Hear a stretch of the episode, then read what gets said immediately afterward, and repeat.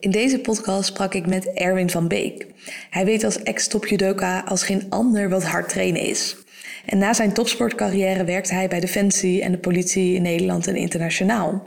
En in Amerika kwam hij dan ook in contact met CrossFit en heeft als enige Nederlander ooit aan de CrossFit Games meegedaan. En ook is hij oprichter van de CrossFit Box Reebok 020, waar hij anderen helpt fysiek en mentaal sterker te worden. hoe word je mentaal nou weerbaar? En hoe deel je met die stemmetjes in je hoofd?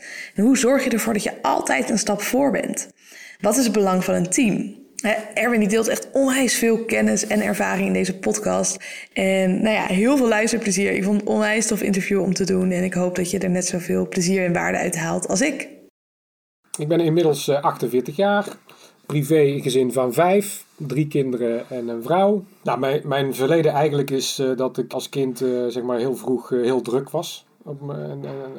De ADHD bestond toen nog niet natuurlijk. Maar ik was gewoon een heel druk baasje. En toen heeft mijn moeder gezegd, nou jij gaat maar eh, op een vechtsport. Want dan kun je je ei kwijt, dan kun je je energie kwijt. Dus ik ben gaan judo op mijn vierde. Dat heb ik eigenlijk eh, gedaan tot mijn 34ste.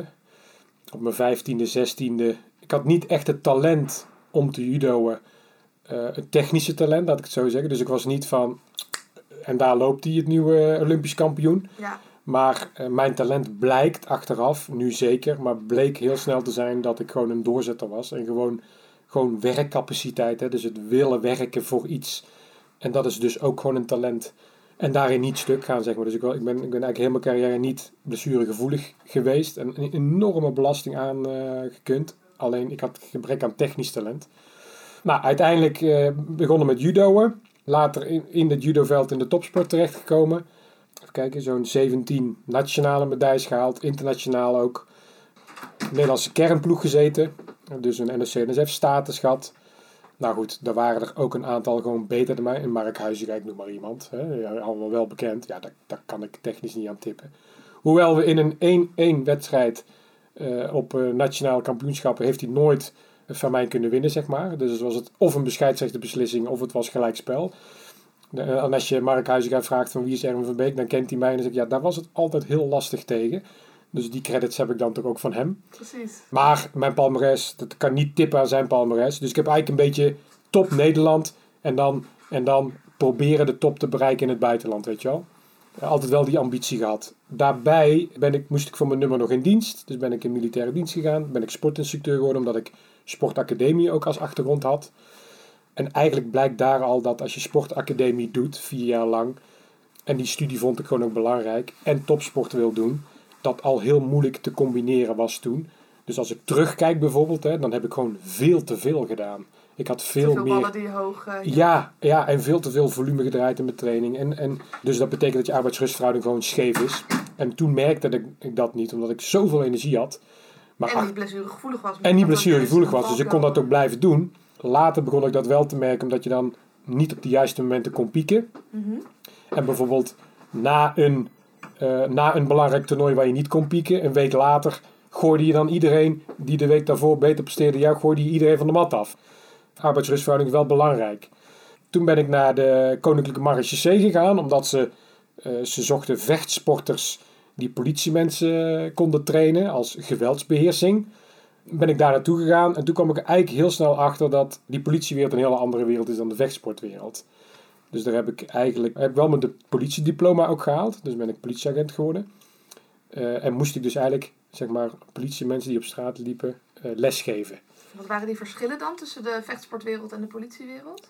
Nou, bijvoorbeeld, hè, want ze hadden mij gescout eigenlijk omdat ik uh, toen uh, podiumplek haalde op de Nederlandse kampioenschappen. En uh, toen hadden ze ook een, een Nederlands kampioen karateka en kickboksen. En, en dat als groepje wilden ze bij elkaar zitten om na te denken over, over zelfverdediging binnen de politie. En wij kwamen er als groepje heel snel achter. Ja, maar je staat en niet in een judopak, je staat en niet met bokserschoenen. En er zijn geen regels buiten. Uh, dus dat is een heel andere wereld. En als je die gedachte al kan maken, ben je al zoveel verder als tot op heden nog mensen maken in die wereld.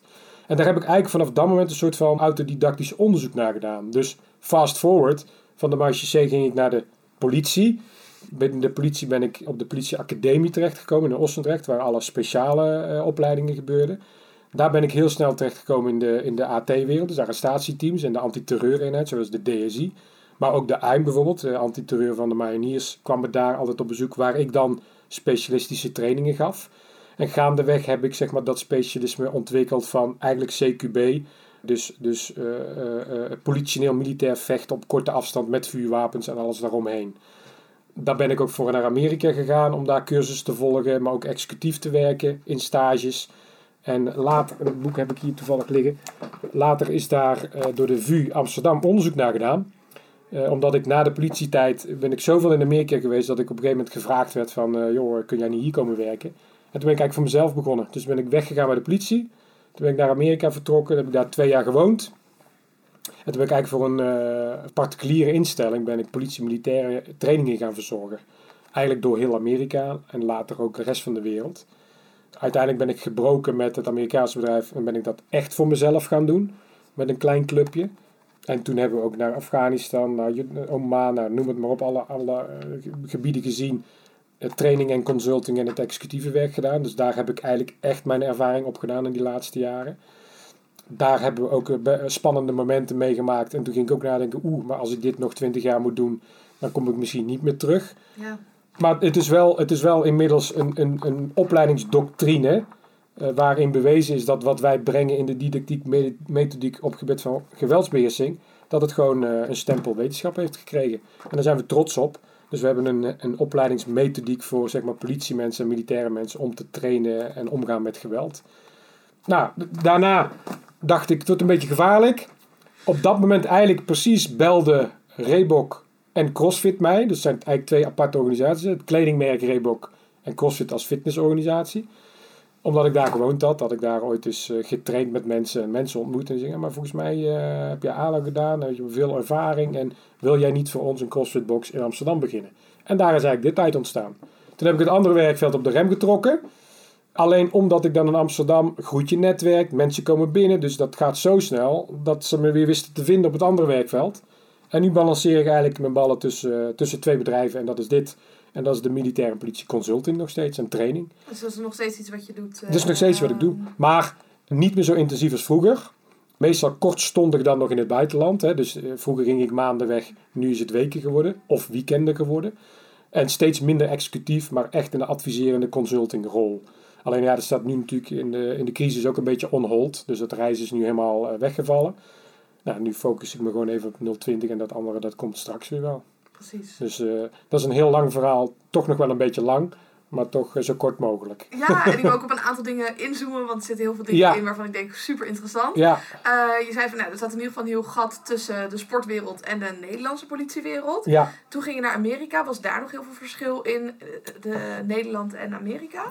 Nou, het is heel gek, maar sowieso in training en in, in, in, in leiding geven en, en, en het geweldsbeheersing dan op het gebied en dat is heel gek, zie je eigenlijk dat wereldwijd dezelfde fouten worden gemaakt.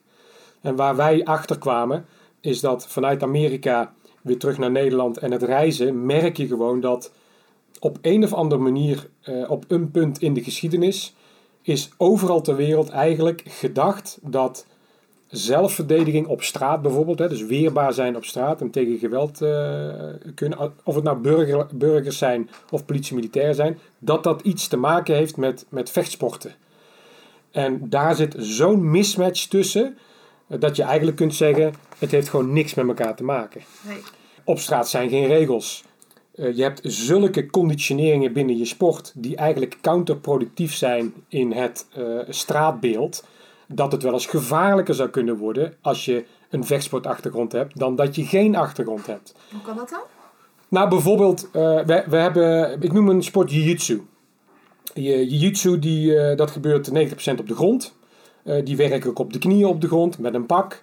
En die willen dus ook naar de grond. Nou, als politieman is regel 1 eigenlijk, je moet zorgen dat je niet op die grond komt. Want op de grond ben je veel kwetsbaarder dan dat je blijft staan toch zijn er heel veel uh, technieken overgenomen uit de jiu-jitsu, waarbij, waarbij ze eigenlijk leren om een soort van grondgevecht vanuit de jiu-jitsu te doen op de grond. Maar al, en dat kan prima in een trainingssituatie in een dojo, maar dan, als je het dan naar de straat brengt en zegt: Oké, doe datzelfde nou maar eens op straat, dan zie je dat aan alle kanten daar mensen de fout in gaan. Ten eerste, je, uh, heel simpel gezegd, je knieën gaan kapot omdat je al continu op je knieën zit op de straat. Nou, we zitten nu in de, in de Bijlmer tien jaar terug was het hier nog wat ruwer dan nu. Maar toen moest ik elke dag de naalden nog hier weghalen bijvoorbeeld. Dus je zit zomaar op een injectienaald of op andere shit. Uh, dus dat is één probleem. Tweede is uh, omstanders en, en derde. Hè. Dus op het moment dat jij uh, op de grond op iemand ligt, dan heb je geen enkel overzicht meer in wat er om je heen gebeurt.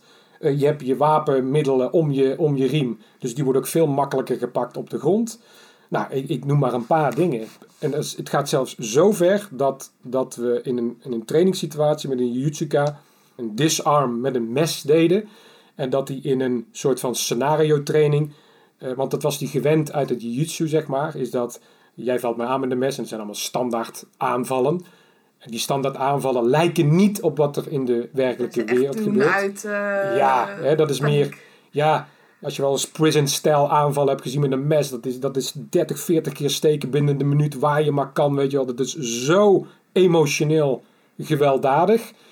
En in een sportsetting uh, is dat altijd geregisseerd in een bepaalde richting, vanuit een bepaalde richting. En als het niet lukt, dan zeg je altijd: oké, nog een keer. Snap je? En dan is het zelfs zo erg dat als het niet lukt of je, hebt die disarm technisch gedaan, dat je dan dat mes teruggeeft. Want dan moet hij nog een keer aanvallen, omdat je het meerdere keren wilt trainen. En wat gebeurt er dan in het scenario? Dat die mensen met jiu-jitsu dus ook daadwerkelijk in het scenario in een reflex dat mes teruggaven. Nou, en zo, zo ver gaan reflexen dus. Ja. we hebben ook met schietbaan, uh, schietbaan scenario's gedaan dat mensen op papier schieten. Dus dat beweegt allemaal niet, dus daar zit ook een mismatch. Maar die man die had een revolver, was Amerikaan. En die, nadat hij leeg schoot, doet hij altijd zijn trommel open, die rotatieschijf. En die klopt hij dan leeg in een bakje, want dan hoeft hij al die hulzen niet te gaan zoeken. En later zit hij dus in een echt situatie. En dat staat wel op film. Ik ken die man niet hoor, maar zo zie je maar hoe snel conditioneringen gaan. Die zit dan achter een auto te schieten. Die schiet ze werkelijk, hè? dus de, de, de patronen vliegen om zijn oren. Hij schiet leeg, dus hij opent zijn trommel. En is dan op zoek naar dat kistje waar hij altijd zijn hulzen in. Dus zo ver gaan conditioneringen. En dat kun je sportbeet trekken, dat kun je dan geweld gerelateerd trekken.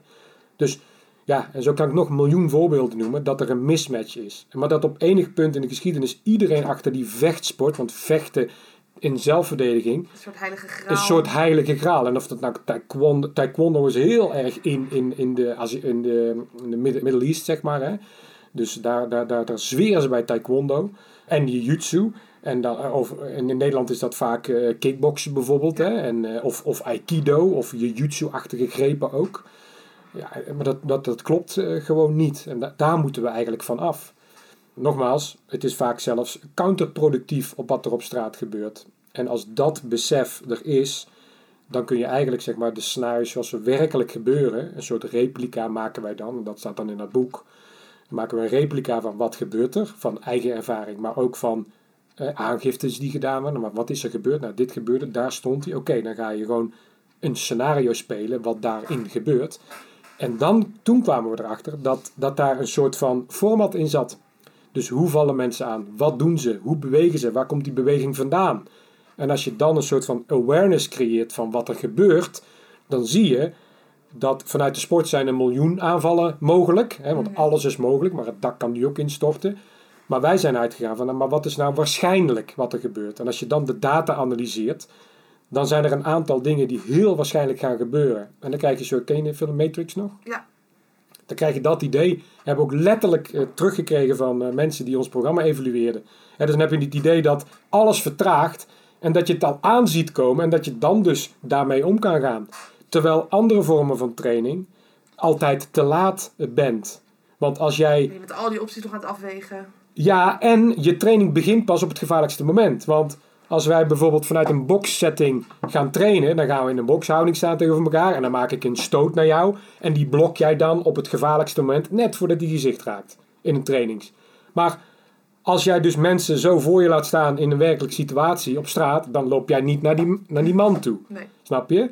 Maar op het moment dat je tegenover elkaar staat en die andere persoon denkt daar al aan, en die stoot komt niet van zijn houding, maar die komt gewoon van het terugstappen, ballen van de vuist. En in één keer komt die, dan hoor je van mensen of politiemensen vaak, die aanval kwam uit het niets. Ik zag het niet aankomen. Maar ze zien het niet aankomen omdat ze gewend zijn pas te gaan kijken wanneer die daar komt. Weet je wel, wanneer die stoot op zijn gevaarlijkst is. En ze leren niet kijken van oké, ik sta nu tegen, of ik zit nu tegenover jou, maar stel nou dat jij gaat verzitten. Hè? Want als ik achterover in mijn stoel zit en ik spreek iemand aan en iemand gaat naar voren leunen de bal van de voet, van, dat is voor mij een indicatie dat ik zie: oké, okay, lichaamswaartepunt gaat naar voren. Misschien komt hij uit die stoel om mij aan te vallen.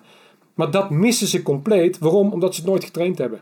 En dan ben je dus altijd te laat en dan krijg je het antwoord: het kwam uit het niets. En als we dan gaan analyseren, uiteindelijk komen ze tot het besef van Jezus, maar daarvoor is zoveel gebeurd waar ik op allemaal heb kunnen acteren eigenlijk, maar ik niet gedaan heb, waarom wachten? En dan zie je dat als je dat dus traint, dan is het niet zozeer meteen geweld toepassen, maar dan is het meer een awareness van wat gebeurt daar nou en daarop acteren. Dan kun je ook veel sneller met gepast geweld. Dus dingen escaleren ook veel minder snel. Ja, het is gewoon echt hele grote blinde vlekken eigenlijk daar. Een hele grote blinde vlek in het trainen. Ja. ja. En als je dat traint, dan neem je een heel gebied eh, weg. En dan heb je ook nog een psychologisch effect. Want op het moment dat jij dus gaat verzitten en ik zie dat en ik adresseer dat gelijk. Ik zeg, hé luister eens, ga eens, ga eens rustig terugzitten in je stoel. Je zat net relaxed, maar ik zie dat je nu wat gespannen wordt en bijna uit je stoel komt. Jij blijft zitten. Dan heb jij zoiets, oeh, hij heeft in de gaten wat ik... Oké, relaxed. Ja, voordat het opstapelt. Voordat het opstapelt. Dat is een kansberekening, hè? dus eh, dat is ook gewoon data.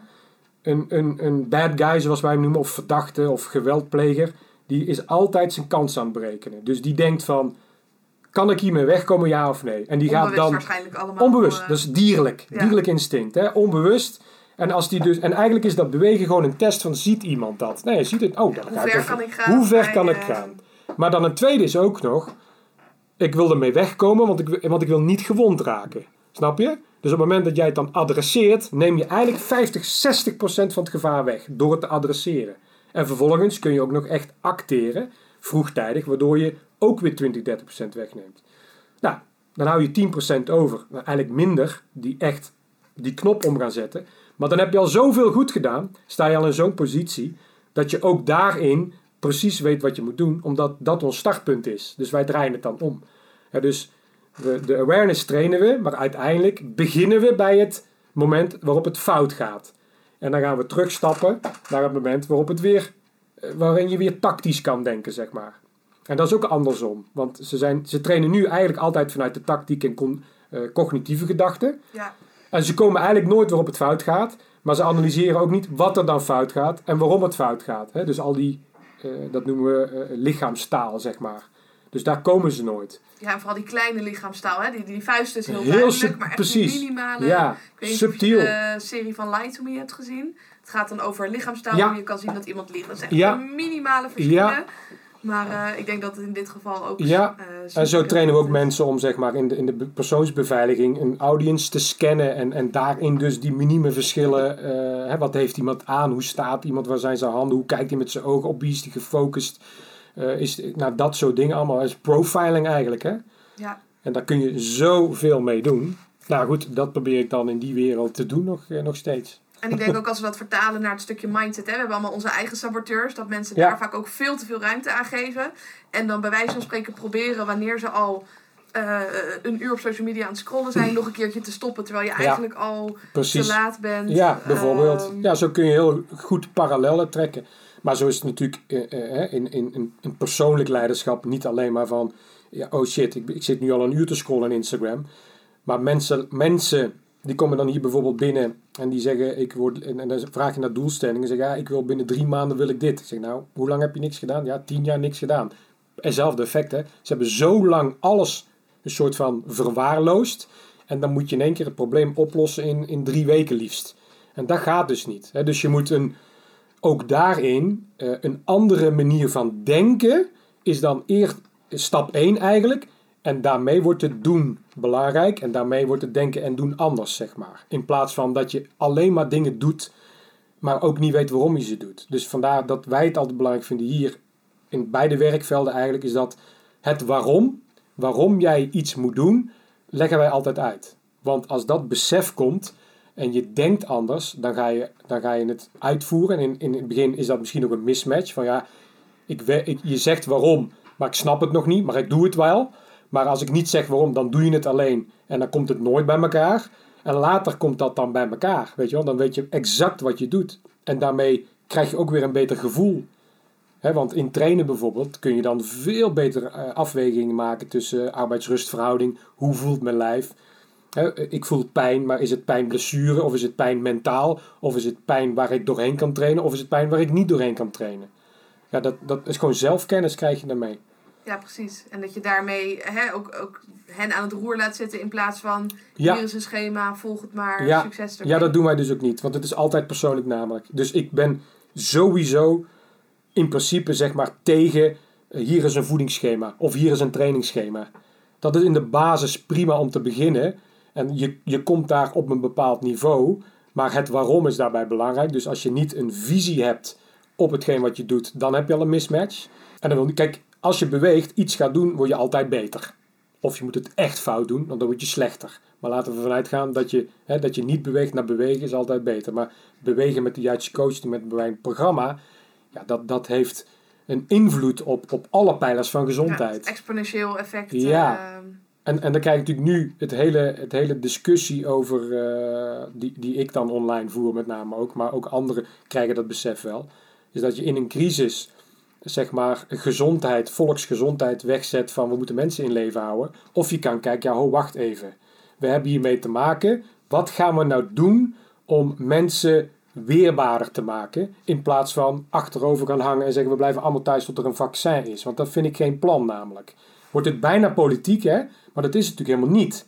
Het is gewoon een kwestie van definitiebepaling van wat gezondheid is. Ja, een stukje meer preventie dan pas in actie komen ja. het eigenlijk al Als ik leider zou zijn, dan zou ik zeggen, weet je wat, tuurlijk beschermen we die ouderen. Maar laat ik zo zeggen, we isoleren en beschermen de ouderen. Maar we gaan met die ouderen aan de slag om ze meer weerbaar te maken. Dat hadden we al moeten doen, maar dat kunnen we altijd mee beginnen. want dan kun je adviseren van coachen in voeding, coachen in beweging, maar ook mentale weerbaarheid coachen. Van ja, u blijft nu even binnen, maar want je merkt nu al dat er signalen komen. Ja, die mensen worden hartstikke gek opgesloten.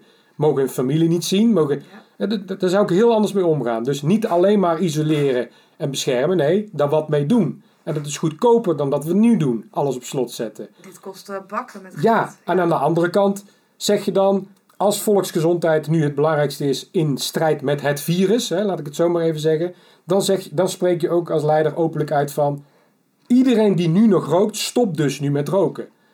Maar dat kan natuurlijk niet, want dat is en een grond... met drinken. Mensen drinken meer dan... Ja, uh, maar eten ook... Sorry, ik wil leiden. Maar eten ook verkeerd, te veel. Er wordt niks over gerept. Te weinig bewogen. Ik heb een stukje geschreven op LinkedIn en daar, daar staat letterlijk in van... De pijlers van gezondheid is... En dat klinkt natuurlijk, ja, komt die weer. Voeding, basis. Welke benzine gooi je in, in je lijf? Beweging slash training. Werk. Sociale communicatie en sociale contacten arbeidsrustverhouding en resilience. Hè, dus de weerbaarheid op het geheel. De overheid streept ze allemaal weg, want werk mag niet meer, want je blijft thuis bij wijze van. Voor heel veel mensen. Hè? Ja. Sociale contacten doen we ook niet meer, in geen enkele vorm eigenlijk, want je moet zelfs bij je oma wegblijven. Voeding. Uh, voeding wordt helemaal niet aangestipt, want uh, de McDonald's blijft open. Want ja, de, dan moeten we wel langs kunnen via het ophaalloket. Zelfs uh, marihuana in een rij van een kilometer mocht in week 1 al. Hè? Dus ik nou, sluit die tenten dan als eerste. En daarmee uh, tast je dus die hele resilience en die weerstand aan. Dus, dus eigenlijk, in, in mijn idee, doet de overheid echt alles fout wat ze fout kunnen doen. Door gezondheid gewoon verkeerd te definiëren. De definitie is niet ik blijf leven, dus ik, dus ik leef, dus ik ben gezond. Nee, de kwaliteit van leven en hoe gezond ben je op die zes pijlers. Dat maakt jou gezond.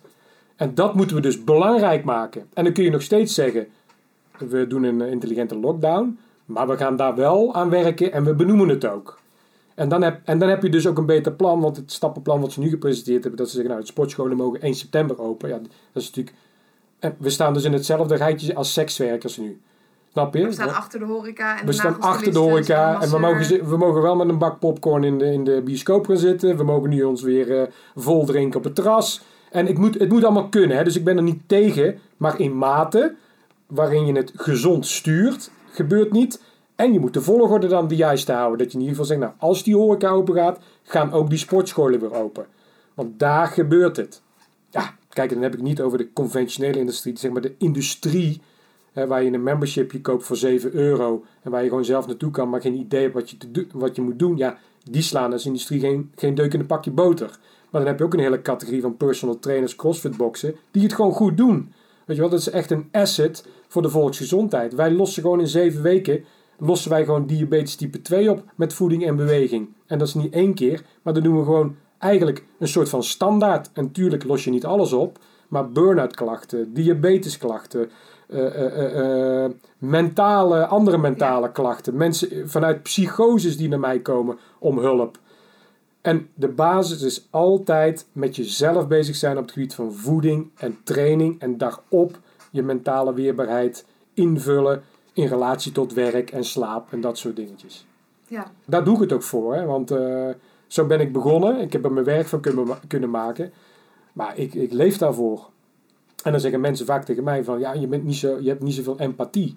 Ik zeg, nou, ik heb meer empathie voor jou dan jij voor jezelf hebt. Want ik maak me dus echt druk om jouw gezondheid. Maar jij dus kennelijk zelf niet. Alleen, het komt misschien soms bot mijn strotheid.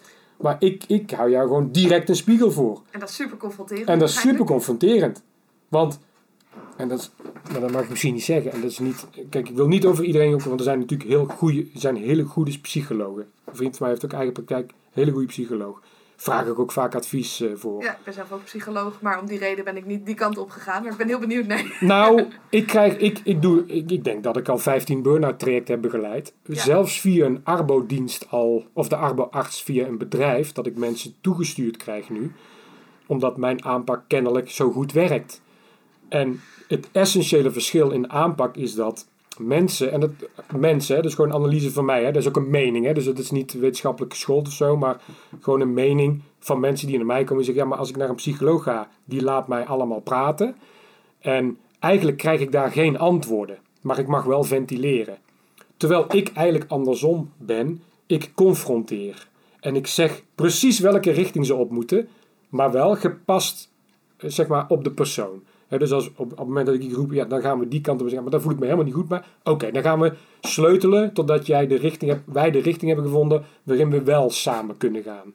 Maar het, maar het direct zijn, dus als iemand komt, dus nou, je moet eerst eens 15 kilo afvallen. Nou, dat hoor je geen psycholoog zeggen. Of wat eet je nou eigenlijk? Ja, nee, dat moet je echt niet proberen, inderdaad. Dat bedoel ik. Eh, maar het mag niet meer, hè, want we mogen niet meer eerlijk zijn naar elkaar, omdat de norm vervaagt. Want het is wel bekend dat, ik weet niet wat het percentage is, maar een groot percentage van de Nederlandse bevolking is gewoon te zwaar. Heel groot percentage. En je merkt nu ook in die crisistijd dat 90%, als het niet 99% is, onderliggende chronische klachten heeft op het moment dat het coronavirus echt ernstig aanslaat. Maar daar mogen we het niet over hebben. Snap je? Ja, 80% op de intensive care heeft overgewicht. Ja. En dat zijn gewoon vaste gegevens. Dat zijn gewoon vaste gegevens. Maar we hebben het er eigenlijk underground over. Maar als je dat zou posten bijvoorbeeld, dan valt de helft van het land over. Ja, maar wie ben jij om te zeggen dat? Nou ja, ik zeg het dus gewoon. Want ik ken een lijf en ik weet wat een. En dat wil niet zeggen dat je niet. Het gaat niet om vetpercentage. Dus het gaat niet om lichaamstype. Want je hebt zwaarder gebouwde ectomorf, endomorf, mesomorfe types die gebouwd zijn. Dus schoonheid komt in allerlei verschillende vormen, zeg ik altijd. En ik kan het ook allemaal mooi vinden, maar er is een grens. Zowel aan de onderkant als aan de bovenkant. En die grens, omdat ik inmiddels meer dan 30 jaar in het vak zit, kan ik wel aanwijzen. dat is ook gewoon competentie van ervaring. en, je hebt schoonheid en je hebt gezondheid. En je hebt schoonheid en gezondheid. Wij trainen niet voor schoonheid, wij trainen voor gezondheid. Of sport natuurlijk. En dat is een ander verhaal inderdaad. dus, dus de menshelfachtige schoonheid vind ik geen schoonheid meer. En, en vind ik een gekunstelde schoonheid en is ook niet eens functioneel meer. Weet je wel, dat is echt alleen maar voor die spiegel en voor de selfie. En daar blijven wij heel ver van weg. Ik lift de gemiddelde bodybuilder lift ik er gewoon uit. Uh... Ja, ja, maar goed. Precies. nou, laten we het daar maar niet over hebben inderdaad. wat, wat die eigenlijk niet tillen. Precies. Ja, dus... Maar kijk, in die zin... En, en dan zeg ik dus 15 kilo afvallen. Of ik zeg, schrijf je voeding maar eens 7 dagen op. Dan gaan we eerst die voeding aansleutelen. Want, want vaak is ook voeding gewoon het probleem. Hè. Ze stoppen zich helemaal vol met processed carbs wat eh, een insulinespijk veroorzaakt, wat opslag veroorzaakt, wat mentale uh, problemen veroorzaakt, omdat je ook afhankelijk wordt van het spul, wat een soort van eh, carb-hypnose creëert, weet je wel, van mistig, door eigenlijk een soort van medicinaal gevoel van mistig zijn, niet helder kunnen nadenken. En als je die voeding fixt en daarop gaat bewegen en mensen zeggen, nou, dit zijn de heldere doelstellingen waar we gewoon stapje voor stapje naartoe gaan, zat hij voor iemand met een burn-out. De advies van de psycholoog was om niks te doen. Met name de rust te pakken. Dat krijg ik ook vaak. Ik uh, adviseer meestal wat anders. Ja, precies. Maar die persoon was eerst nog in de weerstand. Dus ik zeg, ja, maar ik zeg, maak je bed nou eens op 's morgens als je, als je wakker wordt. Ik zeg, begin daar nou eens mee. En die heb ik een beetje gejat van een hele een, eh, een beroemde uh, speech hè, van een generaal uh, van de Navy, volgens mij, een Amerikaanse generaal. Die heeft een half uur speech over make up your bed. En ik moest dat bij Defensie natuurlijk ook altijd. Hè. Bij Defensie was het gewoon de structuur, de hygiëne van je bed opmaken en je, je spullen op orde hebben. Dus je shit gewoon regelen om je heen. En dat was onze uitspraak van oké, haast je als je tijd hebt. Want als je dan haast hebt, heb je tijd. Ja. Weet je wel? Dus dat principe. Hè? How you do one thing, you do everything. Al die, die famous quotes en die, die cliché-achtige quotes, maar zijn, quotes, maar zijn allemaal waarheid. Maar je moet ze wel snappen hoe uit te voeren. Want er zijn een hele hordes mensen die ze roepen, maar die helemaal niet snappen wat je daar nou eigenlijk mee bedoelt. Er zit zoveel diepgang in. Maar toen zei ik dus die persoon, ik zeg, kun je je bed? Nee, dat lukt niet. Ik zeg, nou oké. Ik zeg, maar je kussen ligt vast scheef. Ik zeg, ja nou, kun je je kussen recht leggen? Ja, dat lukt wel net, denk ik. Ik zeg, nou, dan begin jij de komende week met je kussen recht leggen. Ik zeg, en dan komen we dan, hebben we natuurlijk meer besproken, maar dat was haar taak. Dus dat betekent dat hoe sneller jij kleine taakjes positief kan afronden, hoe meer jij mentaal ook positiviteit gaat brengen. En op het moment dat jij in de ik kan dit niet zit, hè, en je hoeft ook niks te doen, dan blijf je ook daar hangen. Ja. Simpel gezegd. Ja, dan blijf je in die comfortzone. En dan wordt eigenlijk ook door een professional gezegd: blijf maar lekker in die comfortzone. Ga vooral niet te veel Ja. doen. En het mooie is, als ze zeg maar richting die burn-out gaan, want burn-out is natuurlijk ook maar een naam. Want ze zijn er nog steeds niet uit wat dat dan precies is, bijvoorbeeld. Maar dan is het ook van, oké, ik ga googlen. Shit, ik heb eh, heel veel symptomen. Burn-out, bam. Dus ze geven eerst zichzelf een stempel. Dan gaan ze naar de arboarts of iemand toe, die, die geeft dan ook de stempel. Ja, u heeft een burn-out, ga maar naar huis. Dan gaan ze naar de psycholoog, die zegt, ja, niks meer doen, want u heeft een burn-out. Dus je wordt elke keer steeds verder in die slachtofferrol ge- gedwongen. En iedereen behandelt jou ook als een slachtoffer. Nou, en daar blijf ik dus van weg. Dus ik zeg, ik behandel niemand als een slachtoffer. Sterker nog, mijn eerste quote in die aanpak is: Alles is jouw schuld. Ja, ik noem het dan zelf geen schuld, maar meer je eigen Ja, verantwoordelijkheid. maar, en die discussie voer ik dan ook, want ik, Ja? ik heb ook hier met, iemand gezeten in een burn-out. Maar die was vroeger mishandeld door de eh, ex-man. En toen pakte ik die quote erbij. En ik zeg, ja, hier beginnen we. We gaan nu hè, persoonlijk leiderschap trainen. De eerste les die ik geleerd heb, alles is jouw schuld. Nou, toen ging ze in de weerstand. Ja, maar wie ben jij dan om mij te vertellen dat het schuld Want hij, hij sloeg mij toch en ik zeg, stop. Ik zeg, je hebt dus een hele negatieve associatie met de quote alleen al. Heb ik nog niks gezegd. Ik zeg, als ik die quote lees, krijg ik meteen positieve energie. Ik zeg, daar wil ik dus naartoe. Ik zeg, want als ik ervan uitga dat alles mijn schuld is, en ik heb expres schuld opgeschreven en niet verantwoordelijkheid, Precies. omdat dat meer triggert bij mensen. Want op het moment dat dit positiviteit triggert, dan ben je eigenlijk al een stap verder. En op het moment dat je hier nog in de weerstand gaat van ja, maar weet je wel, dit, Excuses. Dan, krijg, dan ga je toch richting de excuses. En dan kun je er ook niks mee. En dit is waarschijnlijk dan ook heel confronterend. Want dit geeft Ja. dan aan, oh, ik geef nog geen 100%. En Ja. als je wel 100% geeft, denk je, ja, let's Ja. go.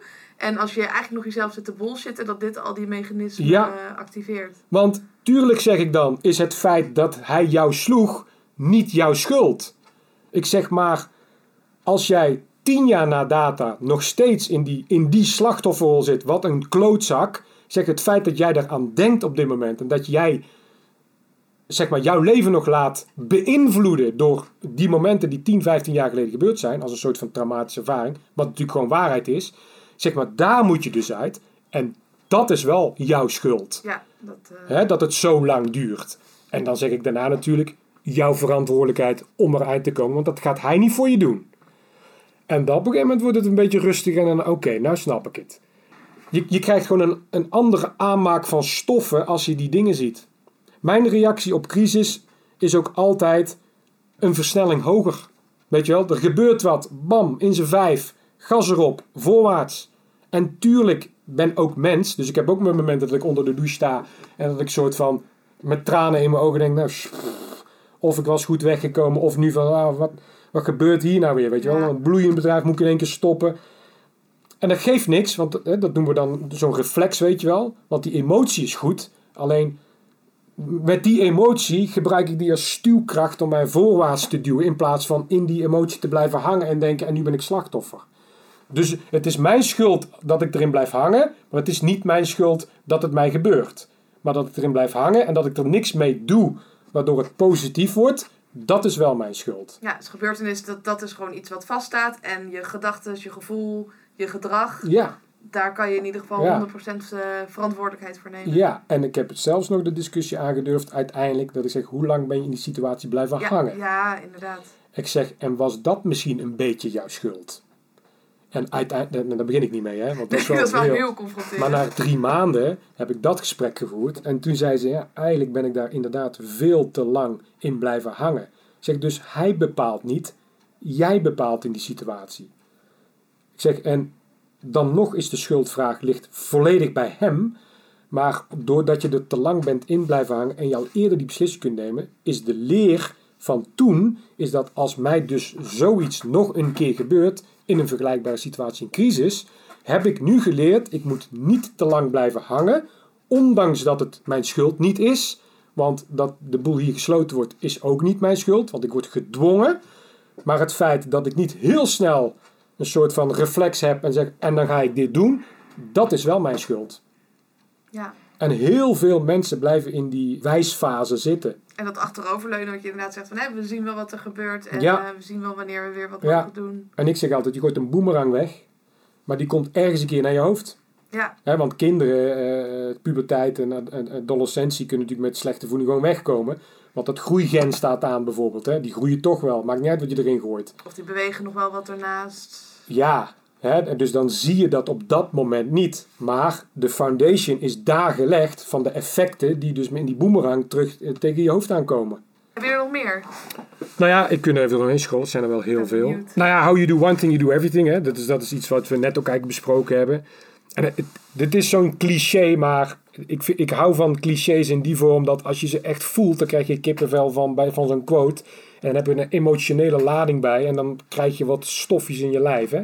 Dus eigenlijk koppel ik die lessen aan eigenlijk die neuroplasticiteit. Hè? En eh, ik, ik heb ze trouwens opgeschreven. Een wetenschapper die er onderzoek naar heeft gedaan ook. Want we denken vaak dat karakter wordt vroegtijdig gevormd. En uiteindelijk heb je karakter en kan je niet meer veranderen. Blijkt op zich niet helemaal waar te zijn. Het is ook maar net hoe je karakter definieert. Maar de omgevingsfactoren in waar jij bent, blijven bepalend op welke leeftijd dan ook. Dus als ik in mijn leeftijd 48 jaar, kan ik me nog steeds aanpassen aan de situatie. Als ik mijn omgeving begrijp en als ik daarmee om kan gaan. En dat is belangrijk. Dus we denken in concepten in onze hersenen. hè. Dus dat betekent als, als iemand bij mij binnenkomt, heel simpel, en die denkt, nou, een dieet werkt dus niet. Dat is dat een concept wat zij of hij gelooft. En als je dat gelooft, wordt het op je ziel gebrand.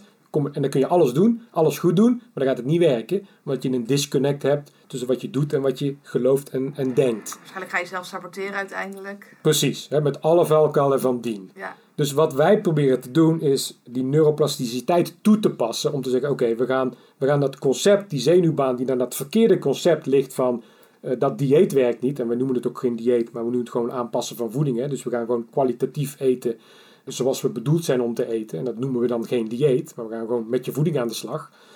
En als je die gedachte dan, dan is bewezen hè, dat je die zenuwbanen naar die, heel simpel gezegd natuurlijk, die zenuwbanen breek je dan een soort van af naar dat concept en je creëert een ander concept wat jouw waarheid wordt. En die wordt dan zo stevig dat je op dat moment dat ook gaat geloven. Hè, en dan wordt het een concept in je hoofd wat jij gelooft, wat op je, eh, je- eh, neurologisch op je ziel zit. En dan gaat het werken. En dan zit ook hier aan vast natuurlijk, how you do one thing, you do everything. Ik geef altijd voorbeeld, ik ga, en dat is ook weer vast aan, als ik tijd heb, eh, moet ik haasten. En als ik haast heb, heb ik dus tijd. Is dat als ik douche bijvoorbeeld, doe ik altijd de douchecabine af. Met, met, eh, met de trekker, maar ook nog met de handdoek droog maken. Want ik heb een hekel aan, ja, als ik dat dus twee weken niet doe, van, heel dat ding onder de kalk. En dan ben ik tien keer langer bezig om dat schoon te maken. Dus voor mij is bijhouden is belangrijk, zeg maar. Dus als je daarin je structuur vasthoudt, bed opmaken, douche uitdoen, handdoekje weggooien, je spulletjes op orde, dan ga je dat dus ook op andere gebieden doen. En uiteindelijk kosten die dus ook helemaal geen energie meer. Want je doet gewoon zoals je het doet. Het is hetzelfde als voeding voor jou waarschijnlijk ook, voor mij ook. Gezonde voeding is geen enkele moeite. nee. Want dan Je zeggen ze- precies hoe je naar, in, de, in de supermarkt je Ja, rondje moet maar ik vind het zo moeilijk om gezond te eten. Hoe doe jij dat? Ja, hoe doe jij dat? Ik denk daar niet bij na. Want ik eet gezond omdat het in jouw systeem zit. En dan komt die quote natuurlijk eh, naar boven. Hè, van, eh, en als je dat dus in voeding doet en je doet er een beetje structuur thuis en dan, en dan krijg je altijd mensen die wijzen, ja maar eh, ik noem maar wat Einstein, die had altijd een teringzooi om zich heen en mensen die niet opruimen zijn Met geweldig creatief. uitzonderingen. En, Mijn, eh, moe- mijn oma heeft ook tot de honderdste gerookt. dat, dat verhaal. Ik zeg, nou, uitzondering zeg, maar wil jij jezelf vergelijken met Einstein dan? Dus ik zeg, 90% van de mensen kunnen er geen teringzooi van maken en daaruit ook nog productief zijn. Dus ik zeg, ruim je spulletjes maar gewoon op. En als je, als je uitzonderlijk bent, dan, eh, hè, dan, dan blijkt dat wel in wat je presteert. En dan moet je gewoon lekker zo blijven doen zoals je het blijft doen. Nou, die is duidelijk. Voorwaarts denken altijd. Hier staat move forward always. Als je een voorwaartse mindset hebt, dat wil niet zeggen dat je altijd vooruit gaat, maar dat kan ook zeggen halt. En dat kan ook zijn twee stapjes terug. En dat kan ook zijn de andere kant op. Maar als je actief blijft denken, in actie zijn. En dan kun je gewoon googlen. Dus als je zegt, wat is sneller? Actie of reactie? Een actie is altijd sneller dan een reactie.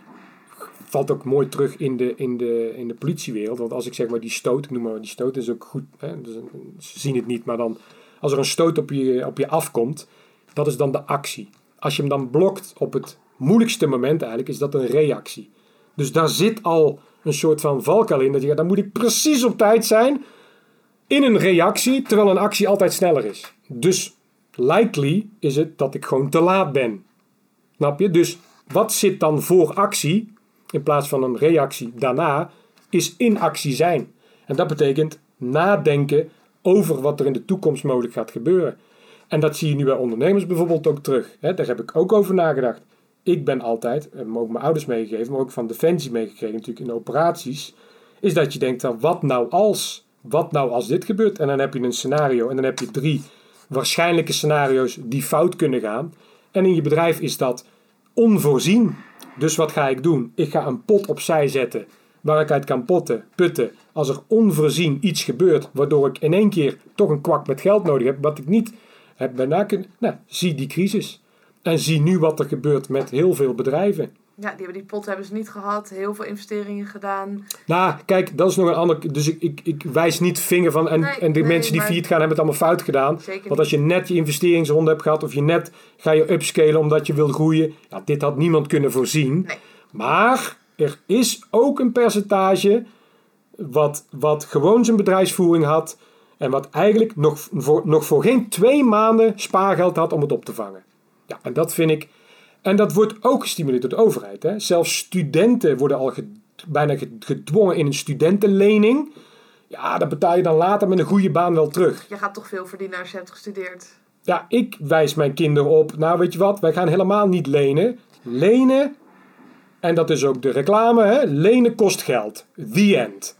Een bouwdepot kost geld. Een hypotheek kost geld. Dus hoe minder hypotheek, hoe beter. Kunnen ze allerlei constructies bedenken om jou te vertellen hoe goed dan dat leningsverhaal is. Maar het kost altijd geld. Waarom? Anders zouden ze het jou niet aanbieden. Want er moet geld aan verdiend worden. Als er geen geld aan verdiend wordt, bied ik jou geen lening aan. Dus alles wat je niet leent, is eigenlijk beter dan dat je wel leent. Precies. Snap je? Ja, ja. Maar dat soort concepten eh, moet je dan eh, begrijpen door voorwaarts te denken. Een beslissing soms beter dan geen beslissing. Ja, veel mensen twijfelen. eh, we zitten in hun hoofd. Ja, ja, die zitten dan vast. En ik zeg altijd, vanuit een verkeerde beslissing kan, eh, eh, likely is dat er een, een goede beslissing uitkomt. Maar geen beslissing, inactiviteit, niet voorwaarts denken, is inactief. En dat stilstaan is achteruit gaan. Nou, hier hebben we het over gehad eigenlijk. Hè. Plan for failure staat hier. Is dat je, dat je plant voor wat er als er fout gaat. Ja, en ook acties daaraan verbinden. Hè? Ik weet dat veel Ja. mensen piekeren en die denken erover door en Ja. denken erover door. Maar vervolgens doen ze er niks aan. Van, hè, wat nou als het allemaal mis kan gaan? Ja. Maar als je vast indekt voor als het allemaal mis kan gaan, dan is er eigenlijk niks meer aan de hand. Ja, en het voordeel daarvan in psychologisch is ook, dus een actie daarvan vinden, heel goed, is dat je ook accepteert dat het fout kan gaan. Maar als het dus fout gaat, dat je heel snel in de acceptatie komt, waardoor je weer sneller kunt reageren daarna. Snap je? Dus het heeft eigenlijk een dubbele werking. En, en je hebt dan ook al scenario's van, nou, als dit gebeurt, ga ik dat doen. Als dat gebeurt, ga ik... En je hebt allemaal je moment van schrik, want dat had ik ook. Dan denk je, goh, moet ik ja. dicht? maar ik En- heb toch altijd dag en- daarna meteen gebeld van... joh, kan ik bij jou trainen? Oké, qua bedrijf, wat ga ik nu doen? Precies. switchen. Precies, precies. Dus, dus de omzet van het schrikken naar een actie voorwaarts en weer productief zijn, op een juiste manier. Want je kan ook als een kip zonder kop rond gaan rennen. Dat Zie doen ook heel veel ondernemers mensen. doen. Alle coaches Ja. poppen overal Ja. op. Of eh, Ja. de, de Dus- gekste dingen. Ja, dus het, het gaat wel om visie en een plan. Ja, ja Hè? zeker. En zelfs in, eh, zeker in de militair politiewereld, je kan dus ook eh, leren te falen. Hè, dus je gaat letterlijk falen in je training, waardoor je het falen ervaart. En vanuit dat falen kun je dan leren. Ja, ik weet, perfectionisten vinden het heel moeilijk om te falen. Ehm, hoe kan je het concreet maken dat je die, dat falen gaat opzoeken, bijvoorbeeld? Nou, dat zet je dus weg in een rollenspel. Dus wij doen in ons politie-militaire trainen doen we vaak rollenspellen. En dan is dat, dat is dan gebaseerd op wetenschap. Dus zeggen, oké, dit is het eh, scenario. Jij bent A, eh, politieman. Jij bent B, eh, bad guy. Zo is de situatie gebeurd. Die aanval kwam zo. Dus dan wordt het voor jou ook geen falen meer. Want je speelt gewoon een scenario wat letterlijk gebeurd is na. Dus jij faalt niet. We acteren het spel, een replica, exact wat er gebeurd is. Waarom? Dan zeg ik, oké, jij leert om te ervaren wat dat falen is. Wat dat, hè, hoe die beweging in elkaar is, maar ook wat dat fysiek en mentaal met je doet. En uit die ervaring leer je al. En we draaien ook de rollen om. Dus jij speelt dan de slechterik en je speelt de good guy. Ja, En dan heb je een dubbel effect. Dus op het moment dat je ook de slechte speelt, weet je ook straks processen van oké, dus zo ziet die beweging eruit. Waardoor je die beweging, als je het weer omdraait, weer veel sneller ziet. Dus een soort van domino effect, wat positiviteit stapelt in jouw eh, weerstand, in jouw eh, psyche, zeg maar. en als je dat zou vertalen naar trainen. ehm, er zijn bepaalde mensen die trainen zo hard elke keer richting falen. Zeg je dat zou je ook moeten doen? Of daar moet je juist uit de buurt blijven? Nou, met trainen, eh, ik, een quote van mij is: heel veel mensen kunnen veel trainen, maar heel weinig mensen kunnen hard trainen. En dat is ook zo. Hè? Dus heel veel mensen kunnen hier bijvoorbeeld ook zeven dagen per week komen. En dan denk ik, eigenlijk kan dat helemaal niet met onze programmering. Want als ik Als echt, echt alles uit eruit zou... haalt. Ja. Ja, dan is het drie keer tops, weet je wel. Ik ook. Drie keer haal ik en vier keer soms, maar meer, meer niet meer. Dat niet, kijk, en dus de kwaliteit is het belangrijkste in trainen. Dus in een programmering en in een periodisering ga je soms richting dat hè, falen toe. Op een veilige manier. Hè. Dat betekent, eh, ik noem het eigenlijk uitputting. Maar ook falen letterlijk. Hè. Dus het dumpen van je squat oefenen wij ook. Hè. Dus stel nou dat die squat zo zwaar wordt als we die eh, 5, 3 of 1 one rep max gaan oefenen. Wat nou als het fout gaat? Wat doe je dan? Nou, Oké, licht gewicht erop. Dumpen dat gewicht. Voorwaarts uitstappen. De, eh, wel of niet erbij. Waar ga je staan in de bench press? Of dat soort dingen nemen we allemaal door. Dus dan, dan gaan we al voorbereiden op falen. We oefenen ook als het gebeurt. En vervolgens ben je daar dus ook niet meer bang voor. Want heel, heel veel mensen onder een stang bijvoorbeeld, onder een squat en een bench, zijn gewoon bang. En daarom missen ze de lift. En waarom zijn ze bang? Omdat ze nooit geoefend hebben om te falen. Of ze gaan het überhaupt niet doen. Want ik vaak eh, dan zie van, hè, nou ja, die laatste rep, die doe ik dan maar even Precies, niet. dat bedoel ik. Want ik Ja. weet niet hoe ik moet falen, Ja. dus laat Ja. maar zitten. Ja, dus je kunt dat hè, vanuit de politie en dingen naar ze. En dat is ook waarom ik die twee werk. Ik gebruik die blueprints vanuit de militaire politietijd en mijn topsport gebruik ik gewoon in training. Dan leg je het niet eens uit, hè? dus dit leg ik niet standaard uit. Nee, ze snappen dat Maar als we dat gewoon in ons lesgeefformat verwikkelen, dan doen zij dat gewoon. En onbewust hebben ze dat wel, dat proces gewoon ook erbij. Accept cause and effect. Dus als jij gewoon kan accepteren wat er gebeurt en wat het effect daarvan is, dan is er eigenlijk vrij weinig aan de hand. Hè? Hangt aan de rest eh, vast. En deze vind ik ook een heel belangrijke levensles. Ja, die noodzaak creëren. Noodzaak voor jezelf creëren. En, en dat is, een inspiratie. En uit inspiratie volgt motivatie. Maar die motivatie moet je wel sturen. Want iedereen zegt dat hij gemotiveerd is. Maar 90% van de gemotiveerde mensen zijn eigenlijk helemaal niet gemotiveerd. Ze zijn niet bereid eh, ook om, te, om offers te maken. Bijvoorbeeld. Bijvoorbeeld. Maar, maar ze, hebben, ze zijn psychisch helemaal niet... 10 die dieet op janu 1 januari stop ik met roken bijvoorbeeld. Dat hele verhaal. En mensen zeggen, nou ga ik echt stoppen. Want ik ben gemotiveerd. Ik ben helemaal niet gemotiveerd. Binnen twee weken is 90% gestopt of nog niet Ja, begonnen. en dat komt ook doordat dat hele proces mentaal zo negatief gestuurd is dat eigenlijk verwacht je alweer na binnen een maand te stoppen. Dat visualiseer je ook nog eens, want je ziet jezelf alweer falen. En dus is het een concept geworden in jouw hoofd van wat je ook echt gelooft dat het zo is. En dus gebeurt het ook. En ze hebben geen plan hoe je dat dan in stappen op een juiste manier wegzet. Dus dat hele kaartenhuis dondert dan in elkaar.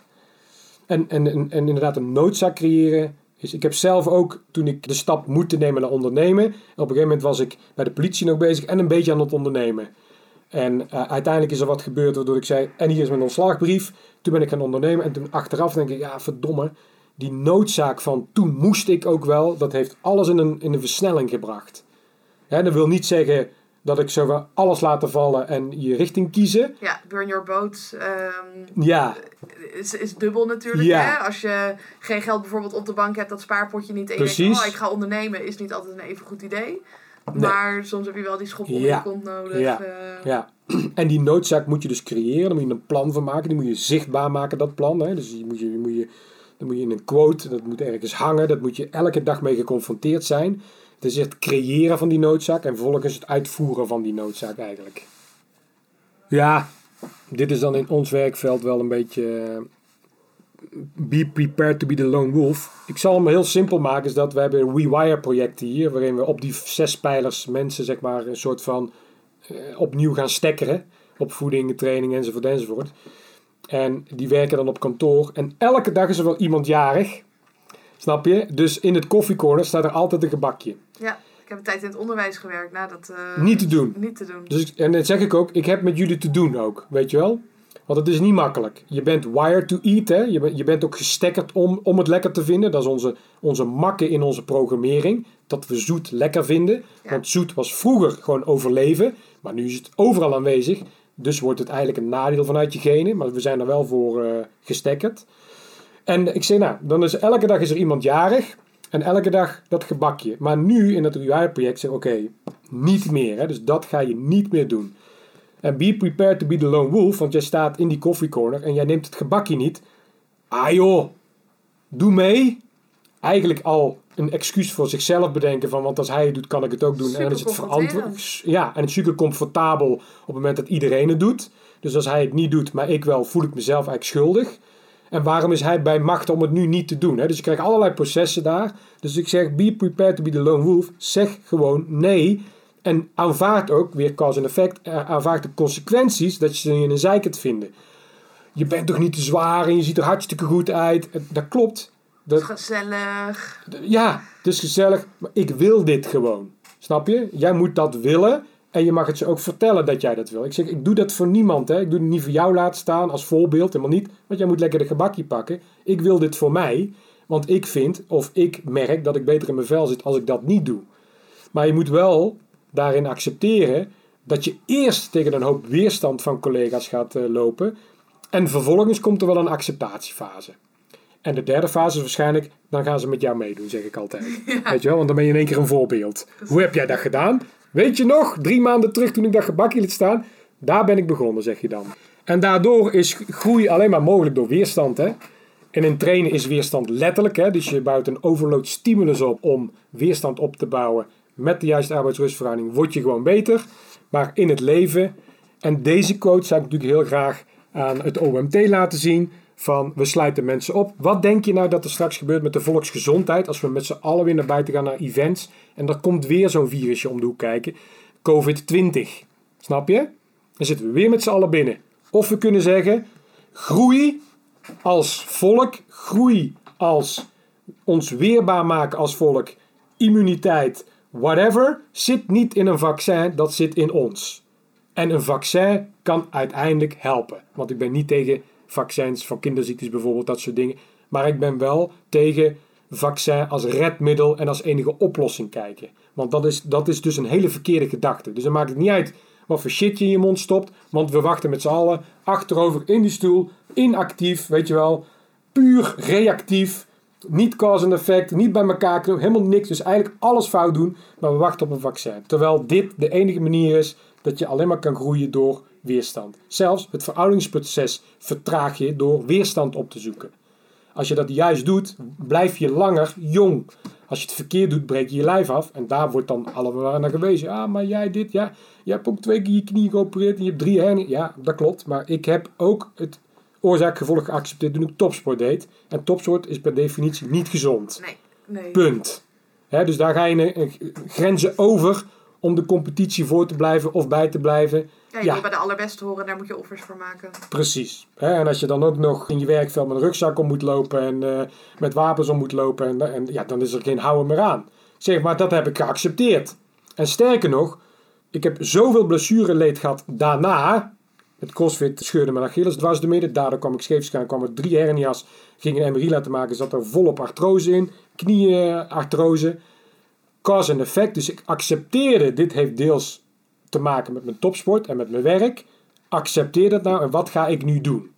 Dat betekent niet stoppen met trainen in een hoekje zitten heilen. Nee, training aanpassen en andere doelstelling. Dus mijn doelstelling is geen wedstrijd meer, is niet meer winnen, is nu gezond worden en, en, en de cijfers toch weer willen benaderen van je topsporttijd zonder de wedstrijd. dus, dus die grens ga je niet meer over. Je blijft net voor die grens. En op het moment dat je daar goed mee om kunt gaan, word je dus alsnog beter. En dat is natuurlijk een ander verhaal. en dan zit er, dan zie je dat zelfs met heel veel schade, dat nog steeds je die weerstand op moet zoeken, mentaal en fysiek, om beter te worden. En hoe kan je die weerstand mentaal meer opzoeken? Hè? Fysiek kan je naar de sportschool gaan, je kan met gewichten trainen. Hoe zou je mentaal die weerstand meer op kunnen zoeken? Nou ja, kijk, ik, ik, ik zeg, er zijn weinig, weinig, heel weinig mensen die dat vanuit zichzelf kunnen doen. Anders doen ze het gewoon en hebben ze geen hulp nodig. Maar je moet gewoon een goede coach hebben. Dus daar komt coaching en programmering gewoon om de hoek kijken. Dat ja, je kan nog zo goed zijn zelf, maar met een echt goede coach die jou begrijpt, word je natuurlijk altijd beter. En met name die mentale aspect, al is maar een sparingspartner of een klankbord of een spiegel, ja, heb je gewoon nodig. Mijn vrouw is mijn tegenpol bijvoorbeeld, maar die houdt mij wel een spiegel voor. En dat is lastig, maar ik leer er wel van, snap je? Nou, en daar in het hele proces, hè, dan zeggen we: don't, don't be offended, stop whining. Dus niet zeuren, niet in die slachtofferrol, voorwaarts denken, voorwaarts doen. En daarmee je ego laten gaan. En daar heb ik ook nog dagelijks last van. Hè? Dus ik kan er steeds beter mee omgaan. Alleen het blijft altijd op de achtergrond. Alleen als je je bewust van bent dat het er is, kun je er al beter mee omgaan. En op het moment dat je merkt van hey, ik word beperkt of het zit in de weg, dan, dan kun je daar ook weer op acteren, zeg maar. Maar kijk, al die regels, ik wil niet zeggen dat ik daar me perfect in kan laveren continu. Hè? Maar ik ben continu in de weerstand en in, de, in, de, in, in, in, in, in proces om met die regels gewoon elke keer dat stapje te maken. En daarin trap je weer in die valkuil, moet je twee stappen terug, flikker je weer op de grond, sta je weer op en ga je weer door. En dan is mindset denk ik ook zeker iets om scherp op te blijven. Dat is niet uh, net zoals je tanden poetsen, doe je één keer en je bent voor de rest van uh, je leven ben je klaar. Dan vallen al je tanden eruit. Ja, precies. Nou, en in die evaluatie, ook naar jezelf, maar ook met anderen Eerlijk, direct en persoonlijk. En dat is denk ik, als je in een communicatiecursus uh, gaat, is alles wat ze daar promoten. Want dan mag het niet meer direct zijn. Het moet zeker niet persoonlijk zijn, want het moet allemaal algemeen. Maar dan leer je er ook niks van. In ons in Special Forces teams is dit met name keihard naar elkaar in die evaluatie. Dan roep je ook gewoon fuck up gemaakt, want dit doe je niet goed, dat, dat moet volgende keer beter. In een setting van evaluatie. Of op het moment, heat, of the moment, weet je wel Doe je letterlijk iemand opzij als die niet goed doet, wordt hij dus echt letterlijk terug in zijn hok gezet. Maar daarna ga je de deur weer uit samen en is alles weer weg. Dan begin je weer gewoon bij elkaar. Want wij geven een aan van als ik niet eerlijk tegen jou kan zijn en als ik niet direct tegen jou kan zijn, maar ik moet wel mijn leven in jouw handen leggen. Dat kan toch niet?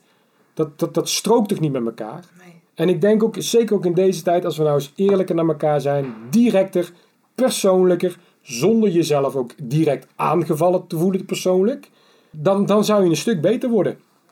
Ja, ja, en dat begint allemaal denk ik bij een stukje van het loskoppelen. Heel veel mensen, die, je hebt al die overtuigingen, die voelen zich veel te verbonden met wat ze doen, hoe ze eruit zien. Als jij zegt, je moet 15 kilo afvallen, dan denken ze meteen, oh, ik ben niet goed genoeg. Zie je wel? Ja. Ik, uh... ja. En, en, dat proces ga je dan sturen. Maar ook in de relationele sfeer. Hè? Want mijn, mijn, mijn vrouw leert mij ook nog steeds dingen. En ik dacht dat dit een regel wat uit de Special Forces, tot ik mijn vrouw tegenkwam. En die even rekt joh. Zij evalueert super direct en eerlijk naar mij, maar maakt het ook altijd persoonlijk. En dan raakt zij die snaar waarin ik een adrenaline dump krijg. En ook mijn ego nog even aangetikt wordt. En, wat, uh, wat gebeurt hier? En dan, en dan besef ik wel, ja maar Erwin, zij is wel eerlijk naar jou en zij is persoonlijk naar jou. Want zij wijst gewoon direct aan wat ik op dat moment fout doe, bijvoorbeeld. Mhm. dat ik, ik, ik kan wel eens hier en daar bot overkomen naar mensen. En dat maakt zij dan heel persoonlijk. En dan, wij, en, dan, en dan is dat even moeilijk, maar daarna denk ik, ja, maar ze heeft wel gelijk. En dan kan ik me dus aanpassen. En uiteindelijk leer ik er ook wat van.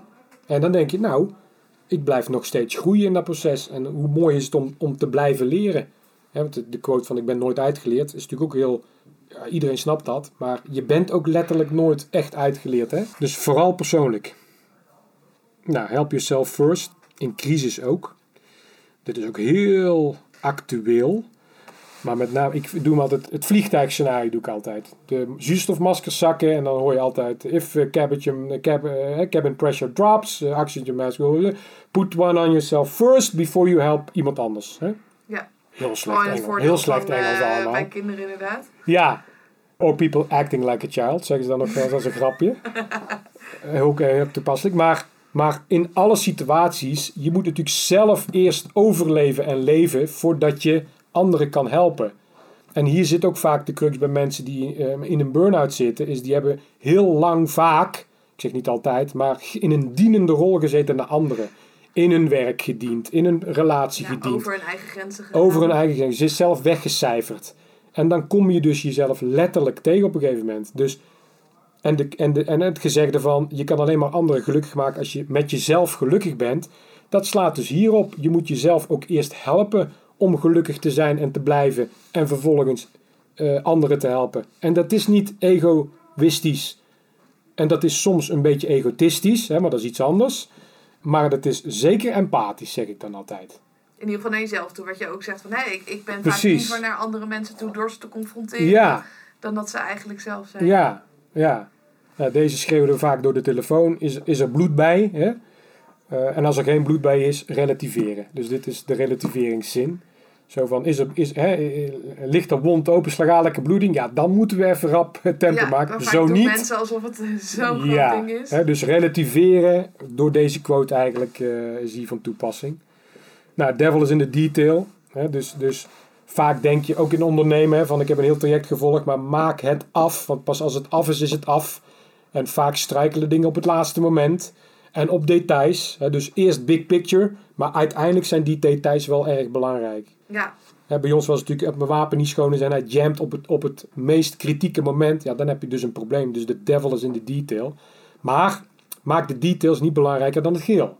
Hè, dus je begint met een overview, daarin weeg je de belangen af en vervolgens wijs je die details aan die van essentieel belang zijn om te regelen. en regel die dan ook. En regel die shit dan ook. Heel goed. Gras is niet groener aan de andere kant. Die hoef ik verder ook niet in te vullen, denk ik. Want eh, vaak denken mensen natuurlijk altijd ergens anders is het beter. In een andere baan is het beter. In een andere relatie is het beter. Daar is in, ook in relatie met social media. Hè, want daar wil scrollen mensen. Ja, maar we zien alleen de, de mooie voorkant van de Ja. ander. En die vergelijk je met je eigen achterkant. En dan denk je, nee, het, voorbeeld, het voorbeeld wat ik hier geef is, en het is, heeft ook wel eens op internet eh, gestaan, of op social media gestaan, is dat degene die, en nu kan het even niet, maar die een foto plaatst op eh, social, op eh, het festival, en iemand ligt thuis op de bank en die plaatsen allebei een foto op Instagram. Degene die op de bank ligt, ziet die foto van het festival en denkt, ah kut, ik wou dat ik daar was. En degene op het festival, die kijkt naar de foto op de bank en denkt, ah, ik wou dat ik lekker thuis op de bank lag. Ja, ik heb een kater. Ik Het voel is- me helemaal... Het is nooit goed. En het is altijd beter in wat je ziet, zeg maar. Dan. Nou, no compromise is een van onze slogans eigenlijk. Dus eigenlijk al die lessen die we net gehad hebben. No compromise. Ik word daar vaak op aangevallen, want ze snappen hem niet. Maar elke dag maak je natuurlijk duizend compromissen om te komen waar je wil. Maar als ik mijn lange termijn doel, we zeggen altijd een blurry lange termijn doel. Dat anker je vast. En dan ga je stapjes maken richting dat doel. En al die stapjes, dat zijn compromissen die van voor naar achter gaan. Maar de no compromise zit hem op je kwaliteit, op je competentie en op je doelstelling. Dus daar ga je naartoe. Je houdt vast aan je kwaliteit, je houdt vast aan je vi- visie. En daar doe je dus geen compromise aan. En dat laten we hier dus in de les ook zien. Dus de kwaliteit van de coaching is belangrijk. Die how you do one thing, you do everything. Dat structuur, die hygiëne, dat is belangrijk. En dan zie je dat wij al... Ik heb ooit eens acht jaar teruggeschreven. De CrossFit-wereld was toen heel hard, hard gegroeid. En de CrossFit Box-idee was het garage-box-idee. En dan hoe smeriger, eh, hoe beter, weet je wel. Want dat was hardcore. oldschool, eh, Old school, hardcore, alles op een stapel flikkeren en, eh en hersenvliesontsteking oplopen, bij wijze van. Zo smerig was de tent. Dus toen had ik eens een artikeltje geschreven van, ja maar hardcore heeft dus niks te maken met dat je tent smerig is. Want als je tent smerig bent, ben je gewoon een vies varken. Dus het heeft niks met hardcore te maken. Hardcore zit hem alleen maar in de training. ja, eh, in- back to in- basic. Back to basic in je training zelf. En niet in, in je omgeving. Zeg, wij houden het hier gewoon spik en span. En dan merk je gewoon dat je heel snel klaar bent ook voor ja, maar hygiëneprotocol. Mensen, hè, eh, dat, dat, is, dat, dat deden wij eigenlijk al gewoon. Dus wij kunnen heel snel aanpassen door die afstand een beetje te vergroten. Dat je zegt van nou, als we die afstand creëren, hygiëne hebben we. We maken alles elke dag spik en span gewoon klaar. Maar als je nou een smerige tent hebt, denk je, woe, nou moet ik aan de slag. Gebeuren, ja. En dan loop je weer zo achter de feiten aan. En daar doen wij dus geen compromissen op. En competentie vind ik, dat is iets wat ik echt vind, vind ik het belangrijkste. Dus als je vasthoudt aan je competentie, ik zeg ook tegen mijn kinderen, het maakt mij niet uit wat je gaat doen in je leven, maar als je iets vindt wat je leuk vindt, word daar dan heel goed in. En er is altijd een geld mee te verdienen of succes mee te halen. En succes is variabel. Hè? Dus als je blij bent, als je blij bent, heb je al succes. En, en succes is niet alleen geldelijk, maar dan kun je, in, laat ik zo zeggen, ook je levensonderhoud voorzien. Maar wel door dit. Want, want average zijn er genoeg. En meelopers zijn er genoeg. En mensen die, die eigenlijk geen echte competentie, die outstanding is, zijn er ook genoeg. Dus je moet je willen, uit, eh, outstanding willen zijn op de rest.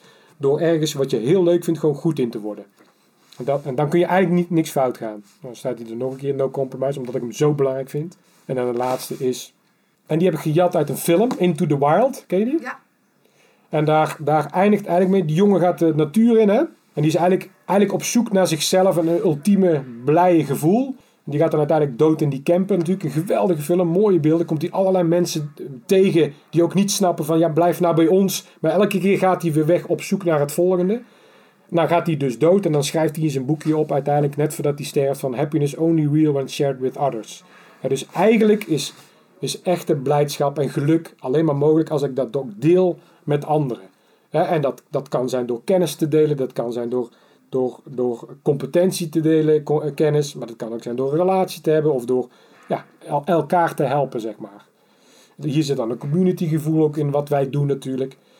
Ja, dat je de blije momenten kan delen met anderen, met je gezin of met, met je dingen. Dus dat, ja, dat je jezelf niet verdwaald raakt in het bereiken van je doelen. Ja. En eigenlijk vergeet waarom doe je het Ja, nou. en ik moet je eerlijk zeggen, in mijn, in mijn sub-topsporttijd, of mijn, ik zeg vaak, ik ben topsporter geweest met een B.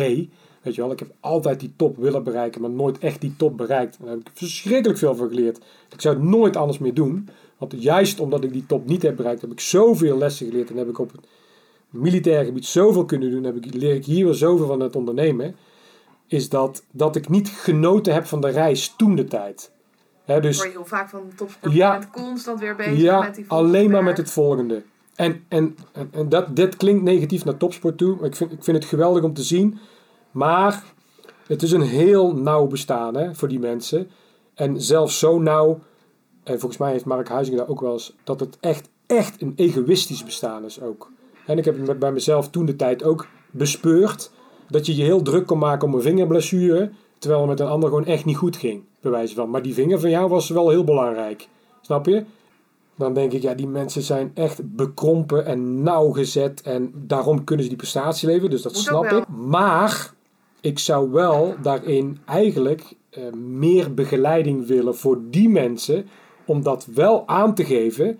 Wat nou daarna? Of wat nou straks?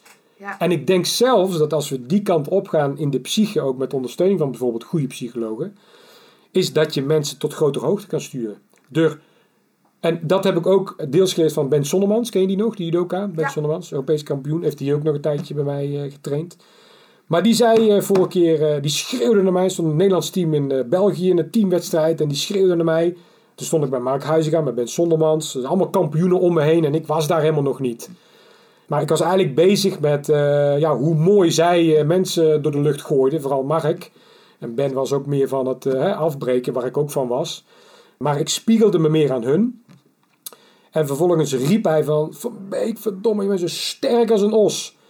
Maar je moet het niet zo graag willen, zei, riep hij van de kant. En die, die, dat ben ik nooit vergeten van hem, dat momentje. Omdat ik denk, ja, als je dus te graag wil, dan lukt het je niet. Dus als je los kan laten, dan, hè, ook weer zo'n famous quote, dan komt het uiteindelijk wel naar je toe. Heb je veel meer overzicht ook. Veel meer overzicht. Je moet het belangrijkste vinden wat er is.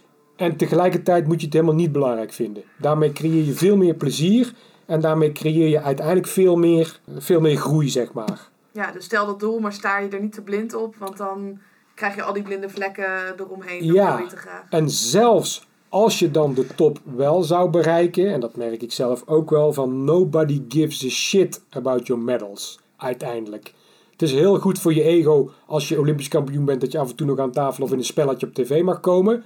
Is dat het dan, denk ik dan? Of hè, is, is dat dan de zin van het leven? Dat wil niet zeggen dat het iets wegneemt van de prestatie, want ik zou het nog steeds gedaan hebben, hè, wat, uh, wat mensen gedaan hebben. Dat het niveau ik nooit bereikt. Maar uiteindelijk zou ik wel die begeleiding aan die mensen willen geven. Van hé, hey, luister.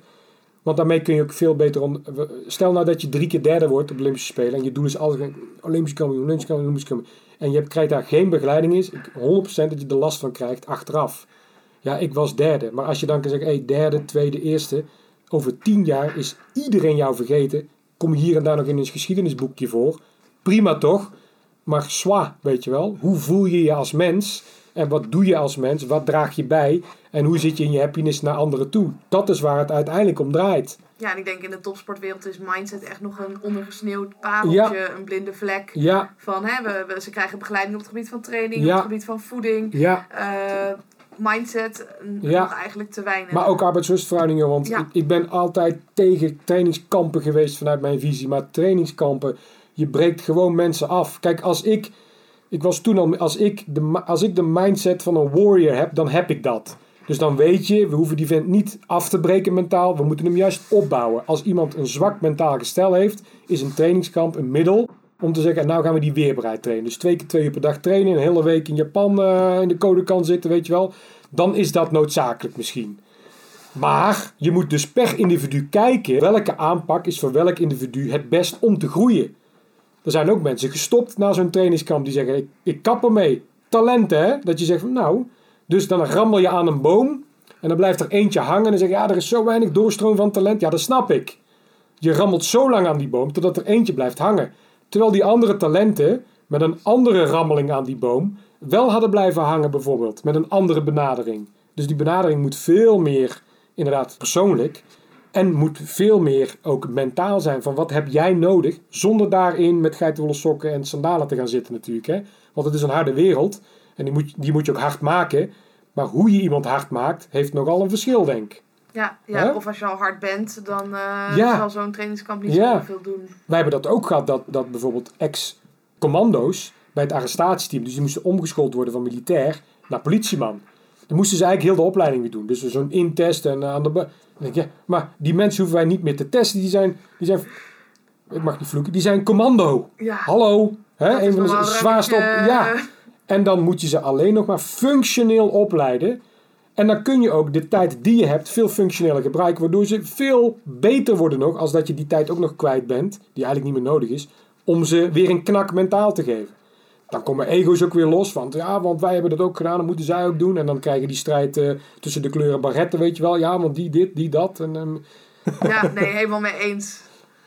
Dus dat, nou ja, dit, dit zijn een beetje mijn lessen uh, die, ik, uh, nou, die ik op het gebied van leiderschap of geluk of noem het maar op. en hier werk ik eigenlijk elke dag aan. In verschillende trajecten. En dat wil ik graag uitstralen. Dus ik ben heel blij dat ik dit weer kan, uh, kan roepen. Ja, heel leuk dat je het zo deelt. En ik ben ook benieuwd van, van jouw persoonlijke verhaal. Je zegt van ja, nu zijn er een aantal dingen anders. Uh, als je kijkt naar de toekomst, welke doelen liggen er voor jou nog? Nou, zat. Kijk, ik ben erachter dat. Uh, ik, ik ben erachter dat. ik was natuurlijk beroepsmilitair. Dan heb je een contract eerst tot mijn 50ste, dan werd tot mijn 55ste 50. Dus ik ben over, over twee jaar ben ik 50. Dus als ik nu terugdenk, denk ik, oeh, ik zat vroeger in een werkveld waarin ik over twee jaar gewoon klaar was en met een pensioentje naar huis gestuurd. Ik moet er niet aan denken. Ja. Weet je wel? Dus het woord pensioen, en heb je wel aan je pensioen gedacht, dan, moet ik altijd, dan lach ik altijd uit. Ik zeg, ah, ik ga nooit met pensioen. Ik zeg, want ik werk niet. Ik zeg, ik doe precies wat ik wil doen. En dan maakt een werkdag, want ik, ik ben vanmorgen om half vijf weggereden.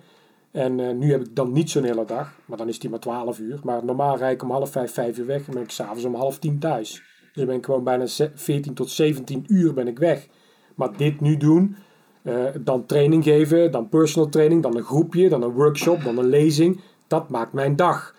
En dan is die dag 17 uur, maar ben ik dan 17 uur aan het werk geweest? Of heb ik dan 17 uur geleefd, denk ik dan? Ja, ik heb geleefd. En dat levert ook nog iets op. Het gaat mij helemaal niet om het eh, geld. Ik krijg Maar geen burn-out van te hard werken. Je krijgt Nee. eerder een burn-out van doen wat je niet leuk vindt van over je Ja, gaan. ja, en soms wordt het wel allemaal in uren veel, hè? maar dan, dan, dan, dan heb ik ook een Netflix-dag bijvoorbeeld, of een Netflix-weekend. En dan heb ik een weekend burn-out, noem ik dat. En dan maandag geef ik weer gas. Als je dat allemaal herkent en erkent, is er niks aan de hand.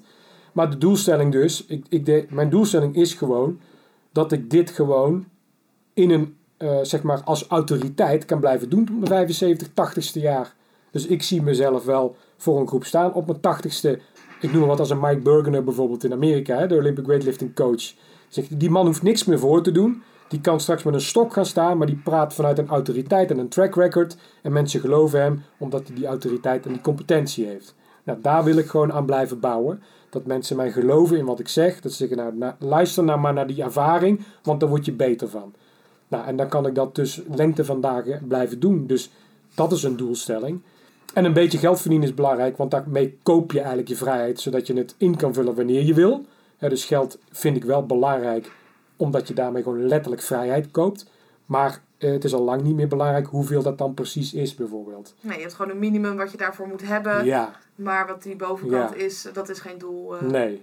En Ilko Smit, dat is een bus- business coach, die zegt ook altijd: wat is je getal? Dus je moet gewoon een getal voor jezelf hebben van nou, zoveel wil ik hebben per maand om mijn leven te kunnen leiden. Nou, dat getal bleek, bleek bij mij belachelijk laag te zijn. Dus ik, ik ben geen big spender. Ik heb niet veel nodig om mij gelukkig te maken. Want als ik eigenlijk als ik gezond eet, kan trainen en in mijn relatie happy ben, dan ben ik eigenlijk klaar. Ja, En ja, ik heb ook wel die rekensommetjes dan gemaakt dat je eigenlijk denkt van, nou ja, financieel vrij, wat is dat dan Wat concreet is dat? voor mij? Ja. Oh, dat is eigenlijk best wel haalbaar. Precies, precies. Dus daar werk je dan wel naartoe. En mijn echte missie is dat ik, dat ik mensen voorbij mij wil trekken. Dus ik wil mensen helpen als mentor, zeg maar, die gewoon in kennis en kunnen voorbij gaan aan mij.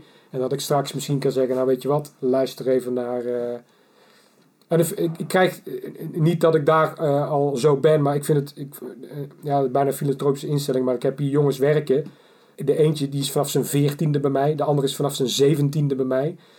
Ik, ik kreeg eh, van de week een appje, of nee, dat is niet een paar maanden geleden, maar van een kok hoorde ik via een vriendin van, ja, die eh, kok heeft nog over jou gesproken, want die heeft zoveel geleerd toen je nog dat kickboxschooltje had. En dat neemt hij nu mee in zijn eigen bedrijfje. Ja, en daar doe ik het eigenlijk echt voor. Als ik, als ik alles wegcijfer, doe ik het daarvoor. En als hier iemand rondloopt die zegt van, ja Erwin, toen ik bij jou binnenkwam was ik 14. Toen heb ik letterlijk een pak slaag van jou gehad, want zo hard was ik. Hij zegt, maar het heeft mij dus letterlijk op het rechte pad gezet. En nu heeft hij gewoon een carrière. En, en nu zijn we vrienden, weet je wel. En de ander is nu eh, aan het ondernemen. En die kwam op mijn 17 bij mij naar de politieacademie. En die heb ik aan de hand meegenomen. En, eh, en nu coacht hij mij ook van, want dan moet je eigenlijk een beetje zo doen. Dus nu coachen we elkaar. Maar het feit dat hij dan goed over mij spreekt naar anderen toe, van nou, luister eens naar die man, of daar heb ik veel van geleerd. Dat, dat vind ik, dat, dat doet mij, dat je kunnen zeggen, het streelt je ego. Maar het doet mij goed om te zien dat ik, dat ik het mensen goed zie doen, waarbij ik een bijdrage heb geleverd. Ja, dan krijg je dat ripple effect. Dan heb jij een klein Ja. beetje eraan gedaan. Ja. En dan, Ja, en, dat, en dat is bijna. Dat is bijna een soort van wereldverbeteraar-achtige wereldbol die ik wel op mijn schouders heb. Dat ik, ik trek me wel alles aan. Dus ik trek me ook aan dat ik moet iets roepen over die volksgezondheid. Ik moet daar een artikel over LinkedIn op schrijven. Mensen moeten dat ook lijken, want ze moeten het snappen. En als ik commentaar krijg, heb ik daar ook last van, bewijzen van. Eh, heel even, weet je, want dan snap je het nou niet. Dat is, je snapt toch dat... eh, dat het zo Hè, is. dat. Dus, en daarmee hè, maak ik het heel belangrijk. Eh, maar daarmee lach ik ook mezelf uit. Weet je Ja, wel, dat ik denk van zelfspot, dat is dan weer de, de precies. cure. Of anderen doen het wel. Of mijn vrouw doet het wel. Met name. Kleine dikzak, zegt ze dan. Je kan je sokken niet eens aandoen s'morgens. En dan ga je weer trainen, weet je wel dat? ja, ik ik vind dat fijn. Dus dan ga ik dat toch doen. Ja. Dus ja, dat, dat zijn mijn doelstellingen eigenlijk voor de toekomst nog. Eigenlijk niet, eh, het zijn geen cijfers of... eh, ik heb wel eh, in trainen bijvoorbeeld, om het heel klein te maken, heb ik natuurlijk van... hoe lang kan ik mijn cijfers vasthouden die ik had toen ik 29 was? Of kan ik die weer benaderen? Of dat soort dingen, weet je wel. Dus ja, alles speelt wel door je hoofd heen. Ik wil op mijn tachtigste gewoon nog deadlifts maken, weet je wel. Ik wil op mijn tachtigste nog powerlifts. Ja, ik wil gewoon... Ja, ik, ik kijk, kijk zelf graag ook naar de powerlift wedstrijden. Ja. je de masters. Ja. En dat is vanaf boven de 40. Maar dan heb je mas- Masters 4. Nou, dat zijn inderdaad wat oudere mensen die dan Ja. bijna strompelen naar het platform. Ja. Maar toch nog even squatten, bankdrukken. en Dat heb ik wel altijd gezegd, want ik ben natuurlijk ook, ik ben één keer als elite naar de CrossFit Regionals geweest. Toen had ik net mijn Achilles gescheurd, dus toen kon ik niet verder. Maar ik ben daarna wel, toen ik net flipte naar de masterklasse, twee keer als enige Nederlander ooit in individuele klasse naar de CrossFit Games gegaan. De eerste keer was ik vierde, de tweede keer was ik zeventiende. Nou, dan hoor je toch tot de 0,01% van de wereld. Maar toen heb ik wel gezegd van, het, eh, laat ik zo zeggen, ik wil dit blijven doen bijvoorbeeld. En ik wil maar blijven meten. Maar het moet ook in de relatie tot de jeugd nog wel aanspreekbare resultaten zijn. Dus als, ik noem maar wat. Want in Nederland werd ik toen altijd nog top 1, 2 of 3 van Nederland in mijn cijfers. En soms zelfs 1. En dan denk ik, nou, dan heb ik mijn plek ook daar verdiend. Ondanks dat ik me niet meer hoef te meten met een 20-jarige, want ik ben 45. Maar als ik op de Nederlandse ranglijst 40ste sta, maar ik zou wel naar de CrossFit Game gaan, zou ik het niet meer doen. Snap je? Ja, Omdat ik dan denk, ja, er zijn er dus 40 in Nederland al beter, maar omdat ik dan toevallig zo oud ben. Dus mijn leeftijd neem ik eigenlijk helemaal niet mee in die equation om iets te willen. En nu, nu heb ik, omdat ik blessure heb, heb, ik, heb ik dat echt helemaal afgesloten. En er is een afbouwing geweest van ah, misschien dan nog dit en misschien dan nog dat. En nu ben ik eigenlijk helemaal vrij van, van ik doe dat niet meer. Want anders blijf je ook een beetje in het verleden hangen. En uiteindelijk is het ook goed, hè. Dus inderdaad, strompelt naar het platform. Ik applaudisseer even die mensen, hè, dus ik vind het geweldig dat ze het willen doen. Maar ik wil dat niet doen. nee, het is voor jou een deur die je niet open wil houden. Nee, nee, nee, nee. Omdat ik dan ook denk, dan blijf je ook een beetje hangen in het atleet willen zijn. En er uiteindelijk moet je dat denk ik ook niet meer willen om als persoon er uiteindelijk ook beter van te worden. En dat kan voor iedereen anders zijn. Maar ik laat bijvoorbeeld Karin, mijn eh, vrouwelijke coach, eh, die, als, als zij een beweging voordoet, ziet dat esthetisch er zo mooi uit. Daar kan ik van genieten als ik dat zie. Maar ook eh, Volkmar of Aviv of anderen. Dat je denkt, ja, daar moet ik zelf niet meer voor gaan doen. Als ik iets heel goed kan, laat ik dat nog steeds zien. Maar dat ego laat ik compleet weg. Van, kijk eens, dat kan ik nog. Ja, dat, dat kan je nog wel. Maar als zij het doen, ziet het er toch echt wat soepeler uit. Dus laat ik hen het doen, zeg maar. Snap je? Dus, dus die rol heb ik niet meer. Ik heb de rol om hun te coachen, om andere mensen te coachen. Die rol heb ik. En zelfs, en dat is eigenlijk een lijn die, die ik eigenlijk uitgestipt, eh, of tenminste eh, zo gebeurd is, dat je gaat van leerling ga je naar trainer, van trainer ga je naar coach, van coach ga je naar, naar mentor zit ik nu. En van mentor ga ik eigenlijk naar mentor, ondernemer, investeerder zelfs. Hè? Want Ja. Ik heb geïnvesteerd in een softwarebedrijf bijvoorbeeld, waar ik bij betrokken ben als veiligheidsconsulent. En dat is dan weer een nieuwe stap voor mij om in een ander werkveld toch te ondernemen. Nou, daar haal ik heel veel eh, plezier en waarde weer uit. En, en daarmee valt dus het atleet zijn weg. Dat wil niet zeggen dat ik geen atleet ben in wat ik kan nog. Maar ik hoef dit niet meer zoveel te laten zien ook. Nee. En, en, en van die cultuur van kijk eens wat ik doe, kijk eens wat iedereen is een kampioen zeg ik tegenwoordig. Hè. Ik kom uit de tijd dat je, je, kwam, je kwam in zo'n krantenknipseltje van een centimeter centimeter. Als, je, als ik derde van Nederland was geworden of tweede van Nederland of in de finale stond. Soms ging ik zelfs klaarzitten bij de NOS, want dan was het altijd van 7 tot 8 sportjournaal. En om 10 voor 8 kwamen de overige sporten er nog even voorbij. En dan was het Nederlands kampioen judo geweest. En ik denk, nou, misschien kom ik fijn, want ik heb in de finale gestaan. En dan werd je finale nog overgeslagen, ook omdat die niet spannend genoeg was. En dan, eh, weet je wel, had je, je, je, of je 30 seconden, minuut, eh, 30 seconds of fame, omdat je dan genoemd werd in je naam, dat je in de finale stond alleen al. Dat was waar je ook deels dat voor deed. En om in die krant te staan. Nu draait het eigenlijk om. Nu maakt iedereen eerst een selfie. Die komt op Instagram. Van maar kijk eens wat ik kan. En iedereen is een kampioen. Ja, is, er is ook geen filter meer op prestaties. Hè? Dus er zijn zoveel wedstrijden. Ook in CrossFit blijf ik er maar even bij. En, en ook in powerliften. Dus nog ook alle bodybuilder. Dat, dat elke hoek van de straat heeft wel een kampioen. Maar voor mij, ja, ik denk ik, kom op jongens. We moeten ook eens een beetje weggaan van alles maar een topprestatie vinden. En gewoon benoemen zoals het is. Ja, je bent dus kampioen van dat toernooitje. Maar een beetje dimmen alsjeblieft. Want eh, zo goed is het allemaal nog niet. Dus, dus ja, dat, en ik denk dat je dat ook weer mentaal sterker maakt. Omdat je moet niet alles willen wegzetten als een wereldprestatie of topprestatie. Je moet het echt waarderen zoals het is. En Olympisch kampioen is Olympisch kampioen. En wereldkampioen is weer. En Europees kampioen is Europees kampioen. En kampioen van een toernooitje is kampioen van een toernooitje. Dat. En zo moet je het ook gewoon echt letterlijk kunnen benoemen.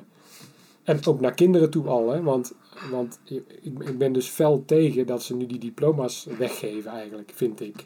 Van eh, het onderwijs. Ja, en als je nu bekijkt waar we naartoe eh, gaan, dan zou het zou, je zou het best kunnen verantwoorden nu met voortschrijdend inzicht. Dat je oké, lockdown, prima, intelligente lockdown, prima.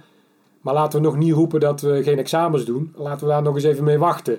Laat ze maar voorbereiden op dat examen. Je kan altijd op het laatste moment zeggen, het gaat niet door.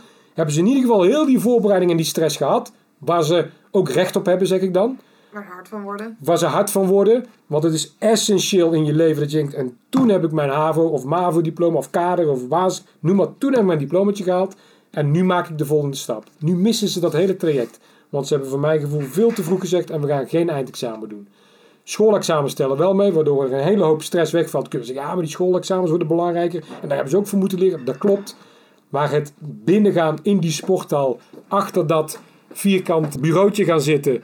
Eh, dan die leraar zien rondlopen. En dan voor het eerst je dingen openslaan, je examen openslaan. En die multiple choice voor je zien. En denken, oh shit. Dat gevoel. En daar dan een overwinning halen en je diploma halen. Ja, dat haal je gewoon weg bij die kinderen. Dus ik vind dat kwalijk. En je ziet eigenlijk nu ook dat dat best had gekund. Want je had het best met twee keer de helft in de sportschool kunnen doen. Kun je gewoon organiseren. En later moeten ze het alsnog doen, hè? Als ze naar eh, HBO gaan of universiteit of Ja, wat voor vorm dan ook. Ja. Die challenges maar wat denk je dan? Dat het fa- fa- de faalangst daar wordt? Want de psychologen roepen het natuurlijk ook al. In Australië stond zelfs een artikel dat zeg maar, de zelfmoordrate is waarschijnlijk straks hoger dan de coronadoden. En dat komt aan de ene kant dat je denkt, wat, zijn we dan zo zwak geworden met z'n allen dat we eh, eh, allemaal een nervous breakdown krijgen van, van twee maandjes even offline, weet je wel, bij wijze van. Ja, eh, maar als we dan ook nog diploma's weg gaan geven en, en iedereen in een slachtofferrol gaan duwen, stimuleren ook dat after effect nog eens dubbel. Dus het probleem wordt alleen maar groter. En dan ga je weer terug naar die les van, je kan alleen maar groeien door weerstand. Dus die weerstand van het examen, als je die weerstand wegneemt, mis je gewoon een component in die weerstand opzoeken en daarvan groeien.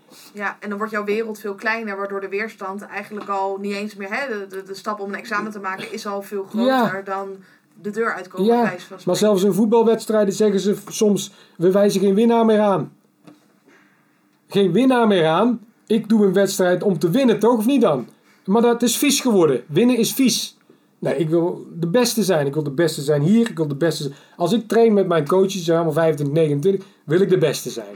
En daar word ik dus beter van. Maar als iemand anders de beste is, geef ik hem een hand en applaudisseer ik ervoor. Jij hebt gewonnen. Jij bent beter dan ik op dit moment. Maar volgende keer ben ik weer beter. Ja, het motiveert ook die Ja. competitie. Maar op waarde schatten, weet je wel. Dus iemand anders feliciteren met, een, met iets wat jij niet kan. Dat hoort er ook bij. En dat is soms moeilijk. Ook ja, voor ja, mij. ja, ondanks dat je niet hebt gewonnen, ben je... Godverdomme. Eigenlijk wil ik hem geen... Maar dat heb ik ook vanuit, heb ik vanuit het judo bijvoorbeeld geleerd. Hè. Dus die vind ik een hele mooie sport. Dat je zegt van... eh, in, in, en daarom hou ik niet van... eh, UFC bijvoorbeeld, die build-up en elkaar dan bashen. En ik hou daar helemaal niet van. Want ik vind dat een verkeerd signaal. En dan zou je kunnen zeggen, ah, dit is een verkeerd signaal. Dat, is allemaal dat klopt, maar daar zit toch ook een kern van waarheid in. En, en waarom kan het in het judo bijvoorbeeld wel? Daar slopen we elkaar. Want het is echt een harde sport. Hè? Het wordt echt, echt onderschat hoe hard die gasten zijn. Eh, maar daarna is het buigen voor elkaar en een hand geven en, en, en weer eh, weg. En we waren geen vrienden. En ook naast de mat waren we geen vrienden. Want we gunnen elkaar het licht in de ogen niet op, dat toen, op die dag. Maar ik sta wel te applaudisseren als Mark Huizinga Olympisch kampioen wordt. Dan zit ik wel voor de tv bijna te janken. Dat ik zeg, godverdomme wat mooi, weet je wel. Zo, dat doet hij toch maar. Ja. Maar zo moeten we, denk ik, dat is, dat is eerlijk, dat, maar dat is ook op waarde schatten. Maar dat is een gezonde concurrentie, dat is weerbaarheid, dat is groei. Eh, nou, dat. Gewoon ook een beetje dierlijk willen zijn en durven zijn. Maar we, we durven het niet meer, weet je wel. Alles moet maar, moet maar cognitief benaderd worden. En, en, en een beetje, ja, eh, soft en, en, en slachtoffer en oh. Ze noemen dat zo mooi in eh, een serie curling. Dat je alle problemen wegcurlt. Ja, Maar dat je daardoor eigenlijk helemaal niet meer hard wordt. Alle curlingouders. Ik heb natuurlijk in het onderwijs Ja. gewerkt. Nou, we mochten niet eh, boos worden op de kinderen. En ja. vroeger als ik eh, brutaal was geweest tegen de juf. Nou, dan had ik een probleem. Tegenwoordig heeft de juf een probleem. Want je mag ons lieve Pietje niet zo behandelen. Ik, werd, ik, werd, ik was buiten, altijd vroeger buiten aan het spelen. En toen kwam ik thuis en was ik verschrikkelijk vies. En dan letterlijk, oké, uitkleden voor de deur, brandslang erop. Was ik gewoon tien, hè? Brandslang erop, ijskoud water. Ah! Oké, en nou douche in, warm afdouchen en je pyjama, weet je wel. Dan was ik weer een uur te laat thuis, bij wijze van. Maar dat vergeet ik nooit meer. En de buurman deed al lachend daarmee. En die stond dan te lachen. Die stond mij gewoon letterlijk uit te lachen. Een kind van tien. Nou, dat moet je nu eens doen. Snap je? Dat, dat, dat soort momenten hebben mij echt super, eh, super weerbaar gemaakt. Toen al. Ja, daar leef ik voor. En dat probeer ik ook anderen mee te, mee te geven. En dan merk je gewoon dat... Ja, toch dat millennium, die millenniums, zeg maar. Het is een begrip, die snowflake eh, generatie ja, noemen we ze kunnen tegenwoordig. alles en we moeten goed presteren, maar vervolgens wat we doen. Ja, en ze bezwijken onder erme- elke vorm van pressure. Hè? Dus als er iets verkeerd gaat en wat ze niet zint, dan vallen ze om eigenlijk. En ik wil niet generaliseren, want eh, je hebt ook heel... en ik gebruik ook gewoon eh, de social media natuurlijk. Je hebt, je hebt zeg maar accounts waarin eh, people are awesome bijvoorbeeld. En dan krijg je een filmpje van wat mensen allemaal kunnen. En die breakdancers en die Oh ja, flips. en, alle- de, de top 1%. Of de- Man, man, man. Daar zit ik van te genieten. En als ik iets... Of dansen, weet je wel. Dansen vind ik zo... Ik kan helemaal niet dansen. Daarom doe ik het ook niet. Mijn vrouw wil altijd dat ik ga dansen. Nee, dat doe ik niet. Want dan sta ik echt voor lul. Dus dat ga ik niet doen. Als ik dan ook maar een beetje beweeg, begint ze al te lachen. En daarom doe ik het niet. Want je lacht mij uit. Eigenlijk moet ik het wel doen. En ik, fuck, daar word ik ook weer beter van. Maar goed, maar als ik dan dansers zie of breakdancers zie en dan denk ik wat die met, of turners, wat die met hun lijf kunnen doen, ja, dat, dat, dat is. En dat, daar zit ook millenniums bij. Dus daar kun je geen snowflakes noemen. Maar dat is inderdaad uit, uitzondering en te veel of te grote groepen verdwijnen in de massa. En daarmee heel hè, society komt dan in een slachtofferrol, in een niet weerbare rol. En dan is exact wat, wat, wat nu aan de hand is. Dat is wat er gebeurt in je samenleving. Ja, ik kom zelf uit de turnwereld toevallig. En dan zag je dan dat als kindjes bang werden, dan hoefden ze niet meer op de, eh, van mama op de bal, Ja. überhaupt op turnen. En Ja. dat dat wel maakt van oké, ja, Ja. als je al die problemen wegcurlt, Ja, dan word je ook niet zo weerbaar. heel simpel, heel simpel voorbeeld uit mijn judo-tijd. Wij hadden een hardcore judo-schooltje. We hadden, geen, E- we hadden niet eens een EHBO-koffer. En dat brak ook wel eens een arm, ja. Weet je wel? Maar ja, dan belden we de ambulance en dat werd wel. Hè? We hadden geen, EHBO, geen ijs, geen EHBO-koffer. En eigenlijk hadden we ook niemand die zeg maar ijs of een EHBO-koffer nodig had. Ja, rol tape, weet je wel, om iets af te tapen. Oh, bloed, hè, tape. Oh, vinger uit de kom. Trek, hup, vasttapen. En doorgaan. En doorgaan. Dat was onze mentaliteit. En we hadden geen E EHBO-tas. En, dat, en ja, dat gebeurde dus niet. Totdat er echt iets ernstigs... Nou, dan belden we de ambulance, die kwam. En de rest ging gewoon door, hè. Je komt er wel uit, hè, met de trainer. We stopten de training niet. We gingen gewoon door. En als je moet stoppen, moet je stoppen. Dus die balans was er wel. Bij een ander schooltje waar we ook wel eens kwamen... hadden ze, hadden ze een E EHBO-hoek ingericht. Dus ja, daar kon je dan gaan zitten. Er stonden een paar stoeltjes. Er stond een, een, een, een, een, eh, koelbox met ijs. Zat altijd helemaal vol. Weet je wel, dus als het er is, worden mensen ook daar naartoe getrokken. En dus als je iets ziet wat jouw weerbaarheid afbrokkelt, daar word je al door beïnvloed. Dus het feit dat daar een EHBO-koffer staat en een ijspack, en je denkt, ah, nou viel ik wel heel uit. En je ziet dat ijspack, nou, dat komt bij je hersenen bij elkaar, ga daar maar zitten en ga maar even ijzen. En, en de trainer zegt dan ook, ga maar even zitten en ga maar even ijzen. Of laten we, wat er ook wel gebeurde was eh, dat er dan een, eh, ik weet niet of het jullie ook was, maar dan mocht er een vriendinnetje mee. Dan ging je samen bij de EHBO zitten, want die moesten voor je zorgen. En dan wordt er veel meer aandacht aan elkaar gegeven Ja, maar dat, nodig dus, is. dus dat, is, dat, is, dat, is, dat is opvoeden richting slachtofferrol. En daar is, ik ben ervan overtuigd, en jij, jij hebt er misschien eh, zelfs meer verstand van, dat die psyche op details in je jeugd heel je leven lang een concept blijft.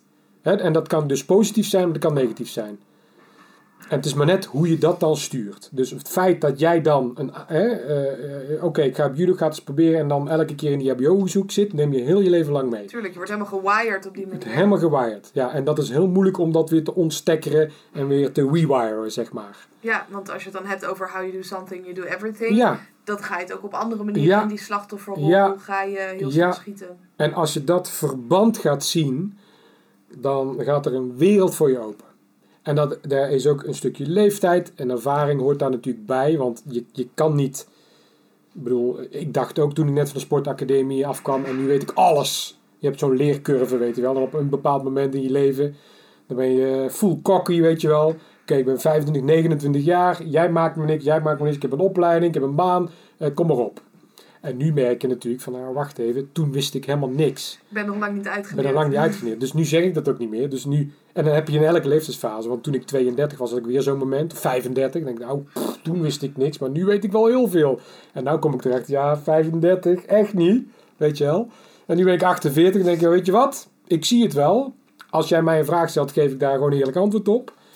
Ik, ik zeg niet dat ik het beter weet dan anderen. Want meerdere wegen leid- leiden naar Rome. Maar dit, die ervaring die ik heb, geef ik aan jou. Je moet ermee doen wat je wil.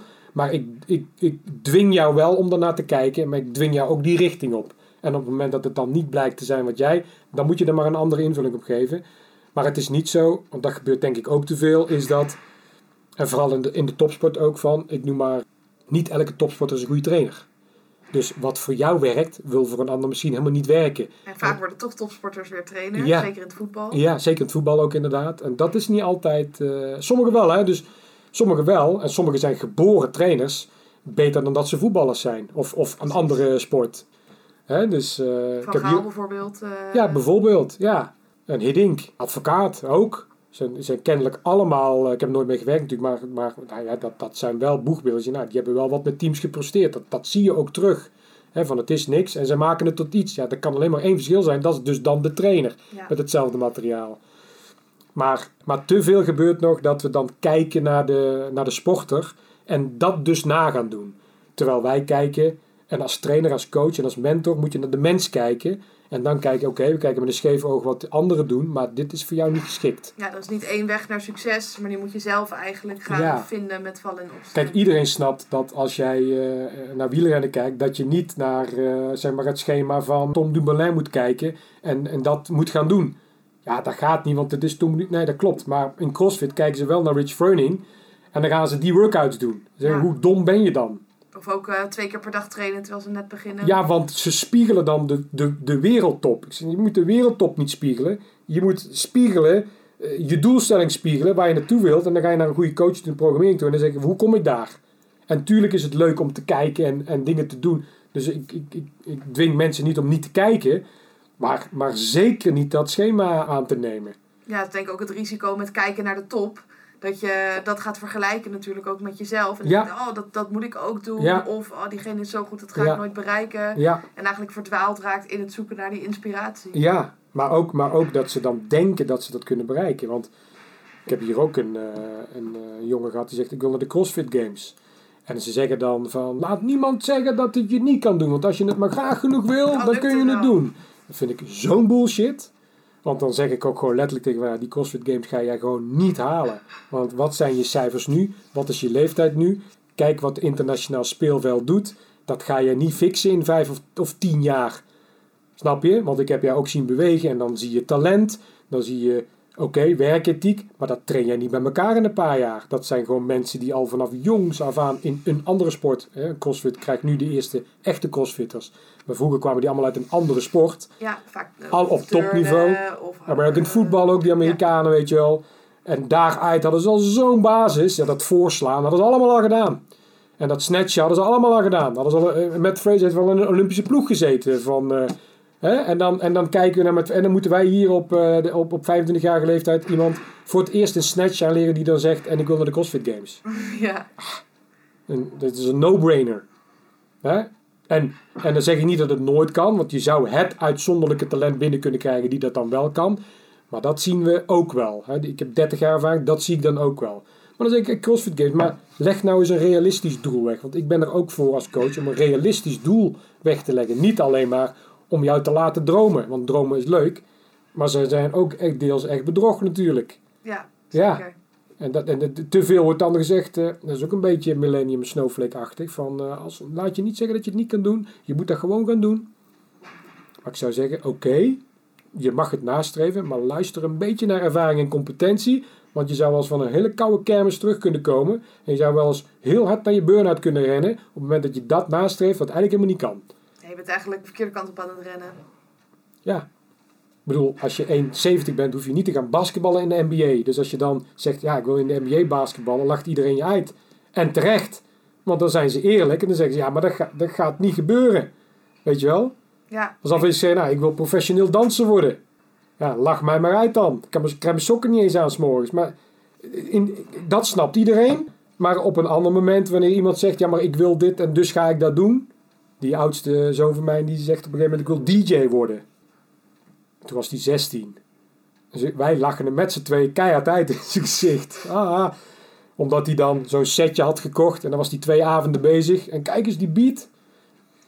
Ja, ik wil DJ worden. Nou, maar ik zei: Joh, als jij echt DJ had willen worden, had je vanaf je vijf, zesde jaar met zo'n ding aan de slag gegaan. Zeg, had jij nu, weet je wel, dan hadden we dat talent ook al gezien. Dan had, had je ook al eh, een beetje talent terug moeten zien. Maar dan had je in, in ieder geval de wil moeten hebben om continu met die apparaten bezig te zijn. Want hij heeft, hij heeft veel talent. Voetballen kan die dingen, hij kan alles.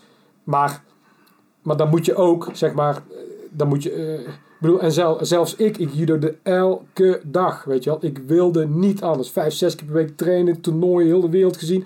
En zelfs, ook ik heb die wereldtop niet gehaald. Ja, ja dus, erken dat je niet goed genoeg bent soms. Dus dan, er, ja precies. Dus dan denk ik, oké, met al je werktalent en werklust, ik mis dan ook technisch talent, zeg ik heel eerlijk.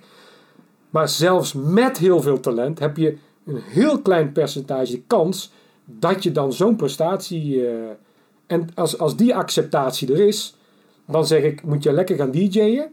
Maar je gaat ook een opleiding doen. En op het moment dat dan blijkt dat die DJ wel wat is. En je kan in de subtop van de DJ of gewoon in het circuit wat je wil. Maar denk nou niet aan een privéjet en heel de wereld rondvliegen. Uh, snap je? Want dat wordt dan vaak. Uh, dat is waarom ze DJ willen worden. Ja. ja. Ik bedoel, de Voice en dat soort programma's. De mensen die ze dan interviewen vind ik ook altijd interessant. Er zit natuurlijk psychologie achter.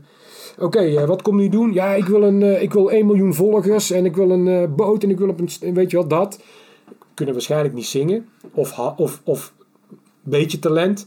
En iemand die zegt, ja, mijn ouders hebben me opgegeven. Of mijn vriend heeft me opgegeven. Of, mijn zusje heeft me opgegeven. Want ja, ik zing zo graag. En zij zegt, je hebt echt een mooie stem. En ja, ik wil dat toch delen met anderen. Maar ik, ik, zing eigenlijk gewoon graag.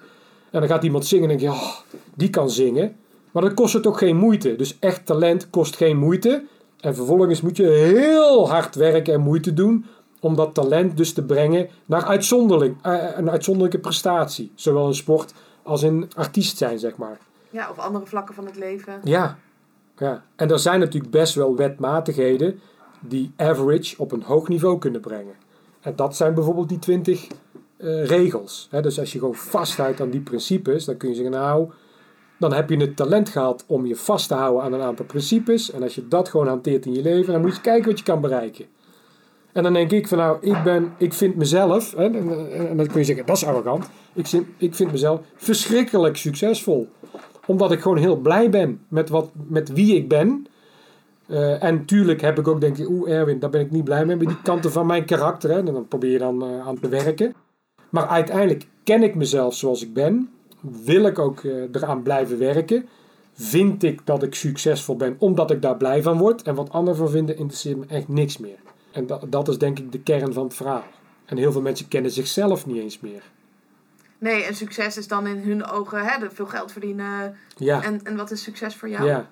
Nou, succes is dus happiness. Hè? Uiteindelijk gelukkig zijn in wat je doet.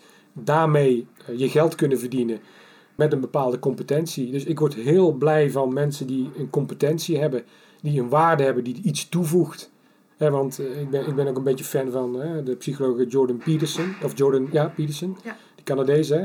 Hij gaat, het is natuurlijk een christen, dus ja, hij gaat soms een beetje gelovig ver. Maar zijn kernboodschap van de zin van het leven is zin geven aan het leven en een bijdrage leveren. Ja, daar ben ik ook wel een beetje van. En dat kan op elk gebied, hè. En dat kan ook elk gebied. Dus als iemand als, uh, ja, waarde toevoegen, kan al heel snel met iets wat jij leuk vindt om te doen dus, dus ik kan zelfs, kijk, ik ben, ik ben geen feestganger, helemaal niet. Maar als jij een kroeg hebt waar honderd mensen elk weekend gewoon plezier met jou kunnen hebben, dan vind ik dat je een waarde toevoegt. Uh, alleen uh, vind ik wel, uh, als ze daarin overdrijven en zich helemaal lam zuipen, dat, dat gaat helemaal niks, heeft voor mij niks met mijn plezier te maken. Maar ik kan wel in een kroeg gaan zitten aan de bar en van mensen kijken, genieten en een goed gesprek hebben en een biertje drinken, weet je wel. En als, als dan iemand die die faciliteiten biedt aan mij, dan denk ik, oké, jij geeft waarde aan mij waardoor ik mij blij voel. Of dat ik een lunch met mijn vrouw een uitsmijtertje ga eten of iets. En denk ik, nou, dat, dat vind ik waar. Dus waarde toevoegen kan op welke manier dan ook. Purpose kan op heel veel manieren gaan. Maar handje ophouden, slachtoffer spelen, whinen, snowflakes zijn, daar kan ik niet tegen. En dat zeg ik ook. Weet je wel, dus die mensen, die, die spreek ik ook aan. En dat heb, dat heb ik binnen mijn politietijd ook heel erg gedaan. En dat is me niet in dank afgenomen, want ik ben daar vier of vijf keer geschorst in mijn, in mijn twaalfjarige bestaan, zeg maar. En ik ben blij dat ik het zo gedaan heb. Want uiteindelijk, als je, en dat bedoel ik dus ook weer met no compromise, als je gewoon vasthoudt aan wie je bent en wat je wil doen en dat op een eerlijke manier doet zonder anderen te beschadigen. Dus ik beschadig niemand. Maar natuurlijk ben ik wel eens confronterend en doet dat zeer bij de ander. Maar als iemand gewoon lui is en gewoon niet voor, mee wil bewegen, dan zeg ik gewoon: je bent gewoon lui, je wil niet, meebewegen. Je, saboteert gewoon het, het, het team of, of het systeem of weet je wel, van uh, ja, thuis gaan zitten en je handje ophouden. Kijk, mensen die niet kunnen werken, die moeten we helpen en die hoeven voor mij niet te werken. Maar die kunnen waarschijnlijk op een andere manier best wel weer een waarde toevoegen met de ervaringen die ze wel hebben. dus ook die kunnen waarde hebben. Goed voor zichzelf, goed voor iedereen. Dus we moeten de zwakken beschermen, we moeten ze uit de wind houden. Dat betekent ook, je draagt wat je kan dragen. Uh, en, en, en, en, en ik roep het ook op mezelf af, dus krijg je ook veel. Nou, ja ja, jij gaat bovenop mij uh, Ja, dus krijg ik commentaar, dus gaat mijn kop er wel eens af. Dus heb ik daar ook last van en hervind ik me weer en doe ik het weer. En dat vind ik prima, want uiteindelijk denk ik, nou ja, ik kan het ook niet anders. Dus moet ik het ook accepteren dat mensen dus commentaar op je hebben. Maar het, maar het niks doen en het lui zijn en het, en het achteroverleunen, handje ophouden naar samenleving, naar wie dan ook, daar kan ik moeilijk mee omgaan. Dat is mijn valkuil. Ja, en dat is denk ik ook weer je drijfveer om te doen wat je doet. Ja, ja, want dat, dat wil ik dan per definitie veranderen. Voor heel de wereld liefst. Precies. dat kan natuurlijk niet. Maar dan wil ik de invloed hebben om... Uh, en Tibor, weet je wel, heb je ook meegesproken. Zeker. En uh, die, die zei ook, vriend van mij natuurlijk, die coach ik in het fysieke. We doen vaak projecten samen, retreats en zo, waarin ik fysiek-mentale deel doe. Hij het business deel. Dus dat klikt heel erg, omdat hij mij begrijpt. Ik begrijp hem ook. En daarin, die zegt ook van ja, als, we, als, we, als je 90 bent en uh, ik lig straks en dan zeg ik nou, ik lig 90 en ik lig op mijn sterfbed. Dan moet je eigenlijk denken, ah, fijn, weet je wel. Het is goed zo, ik sluit mijn ogen en je bent weg, weet je wel. Dat idee om eigenlijk bijna daarnaar uit te kijken van joh, laat mij maar gaan. Ik ben gelukkig geweest, ik heb waarde toegevoegd, ik laat wat achter in een soort van legacy-achtig naar mijn kinderen of naar een, naar, een, naar een bedrijf of naar een sportschool of naar heel veel mensen die jou herinneren als ja, maar die vent was, uh, die kon wel wat, weet je wel. Het was wel een lul en het was wel, uh, ik heb liever dat ze zeggen, het was wel een lastige lul, maar hij was wel goed en hij heeft me wel wat bijgebracht. Dat vind ik beter als, zo, dat was een leuke vent, hè, daar kon je een feestje mee maken, maar eigenlijk was het eigenlijk gewoon een flapdrol, weet je wel. En je hebt ook iets ertussenin, hè. Dus uh, bedoel, ik, hou, ik kan ook wel een feestje maken. Maar, maar in plaats van dus dat, ogen dicht, als dat je alleen maar regrets door je hoofd gaan als je 90 bent, als je het al haalt.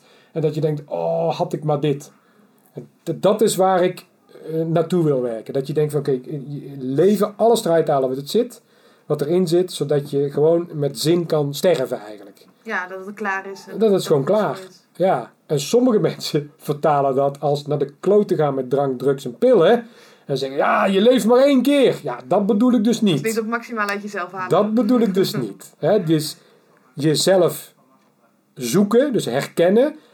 Je genen ook herkennen. En je genen set tot maximaal rekken. Daarin weerstand opzoeken. Eh, daarin groeien. Daarin zin geven aan jezelf en aan de wereld. En dan waardig eh, sterven. Ja. Nou, dat.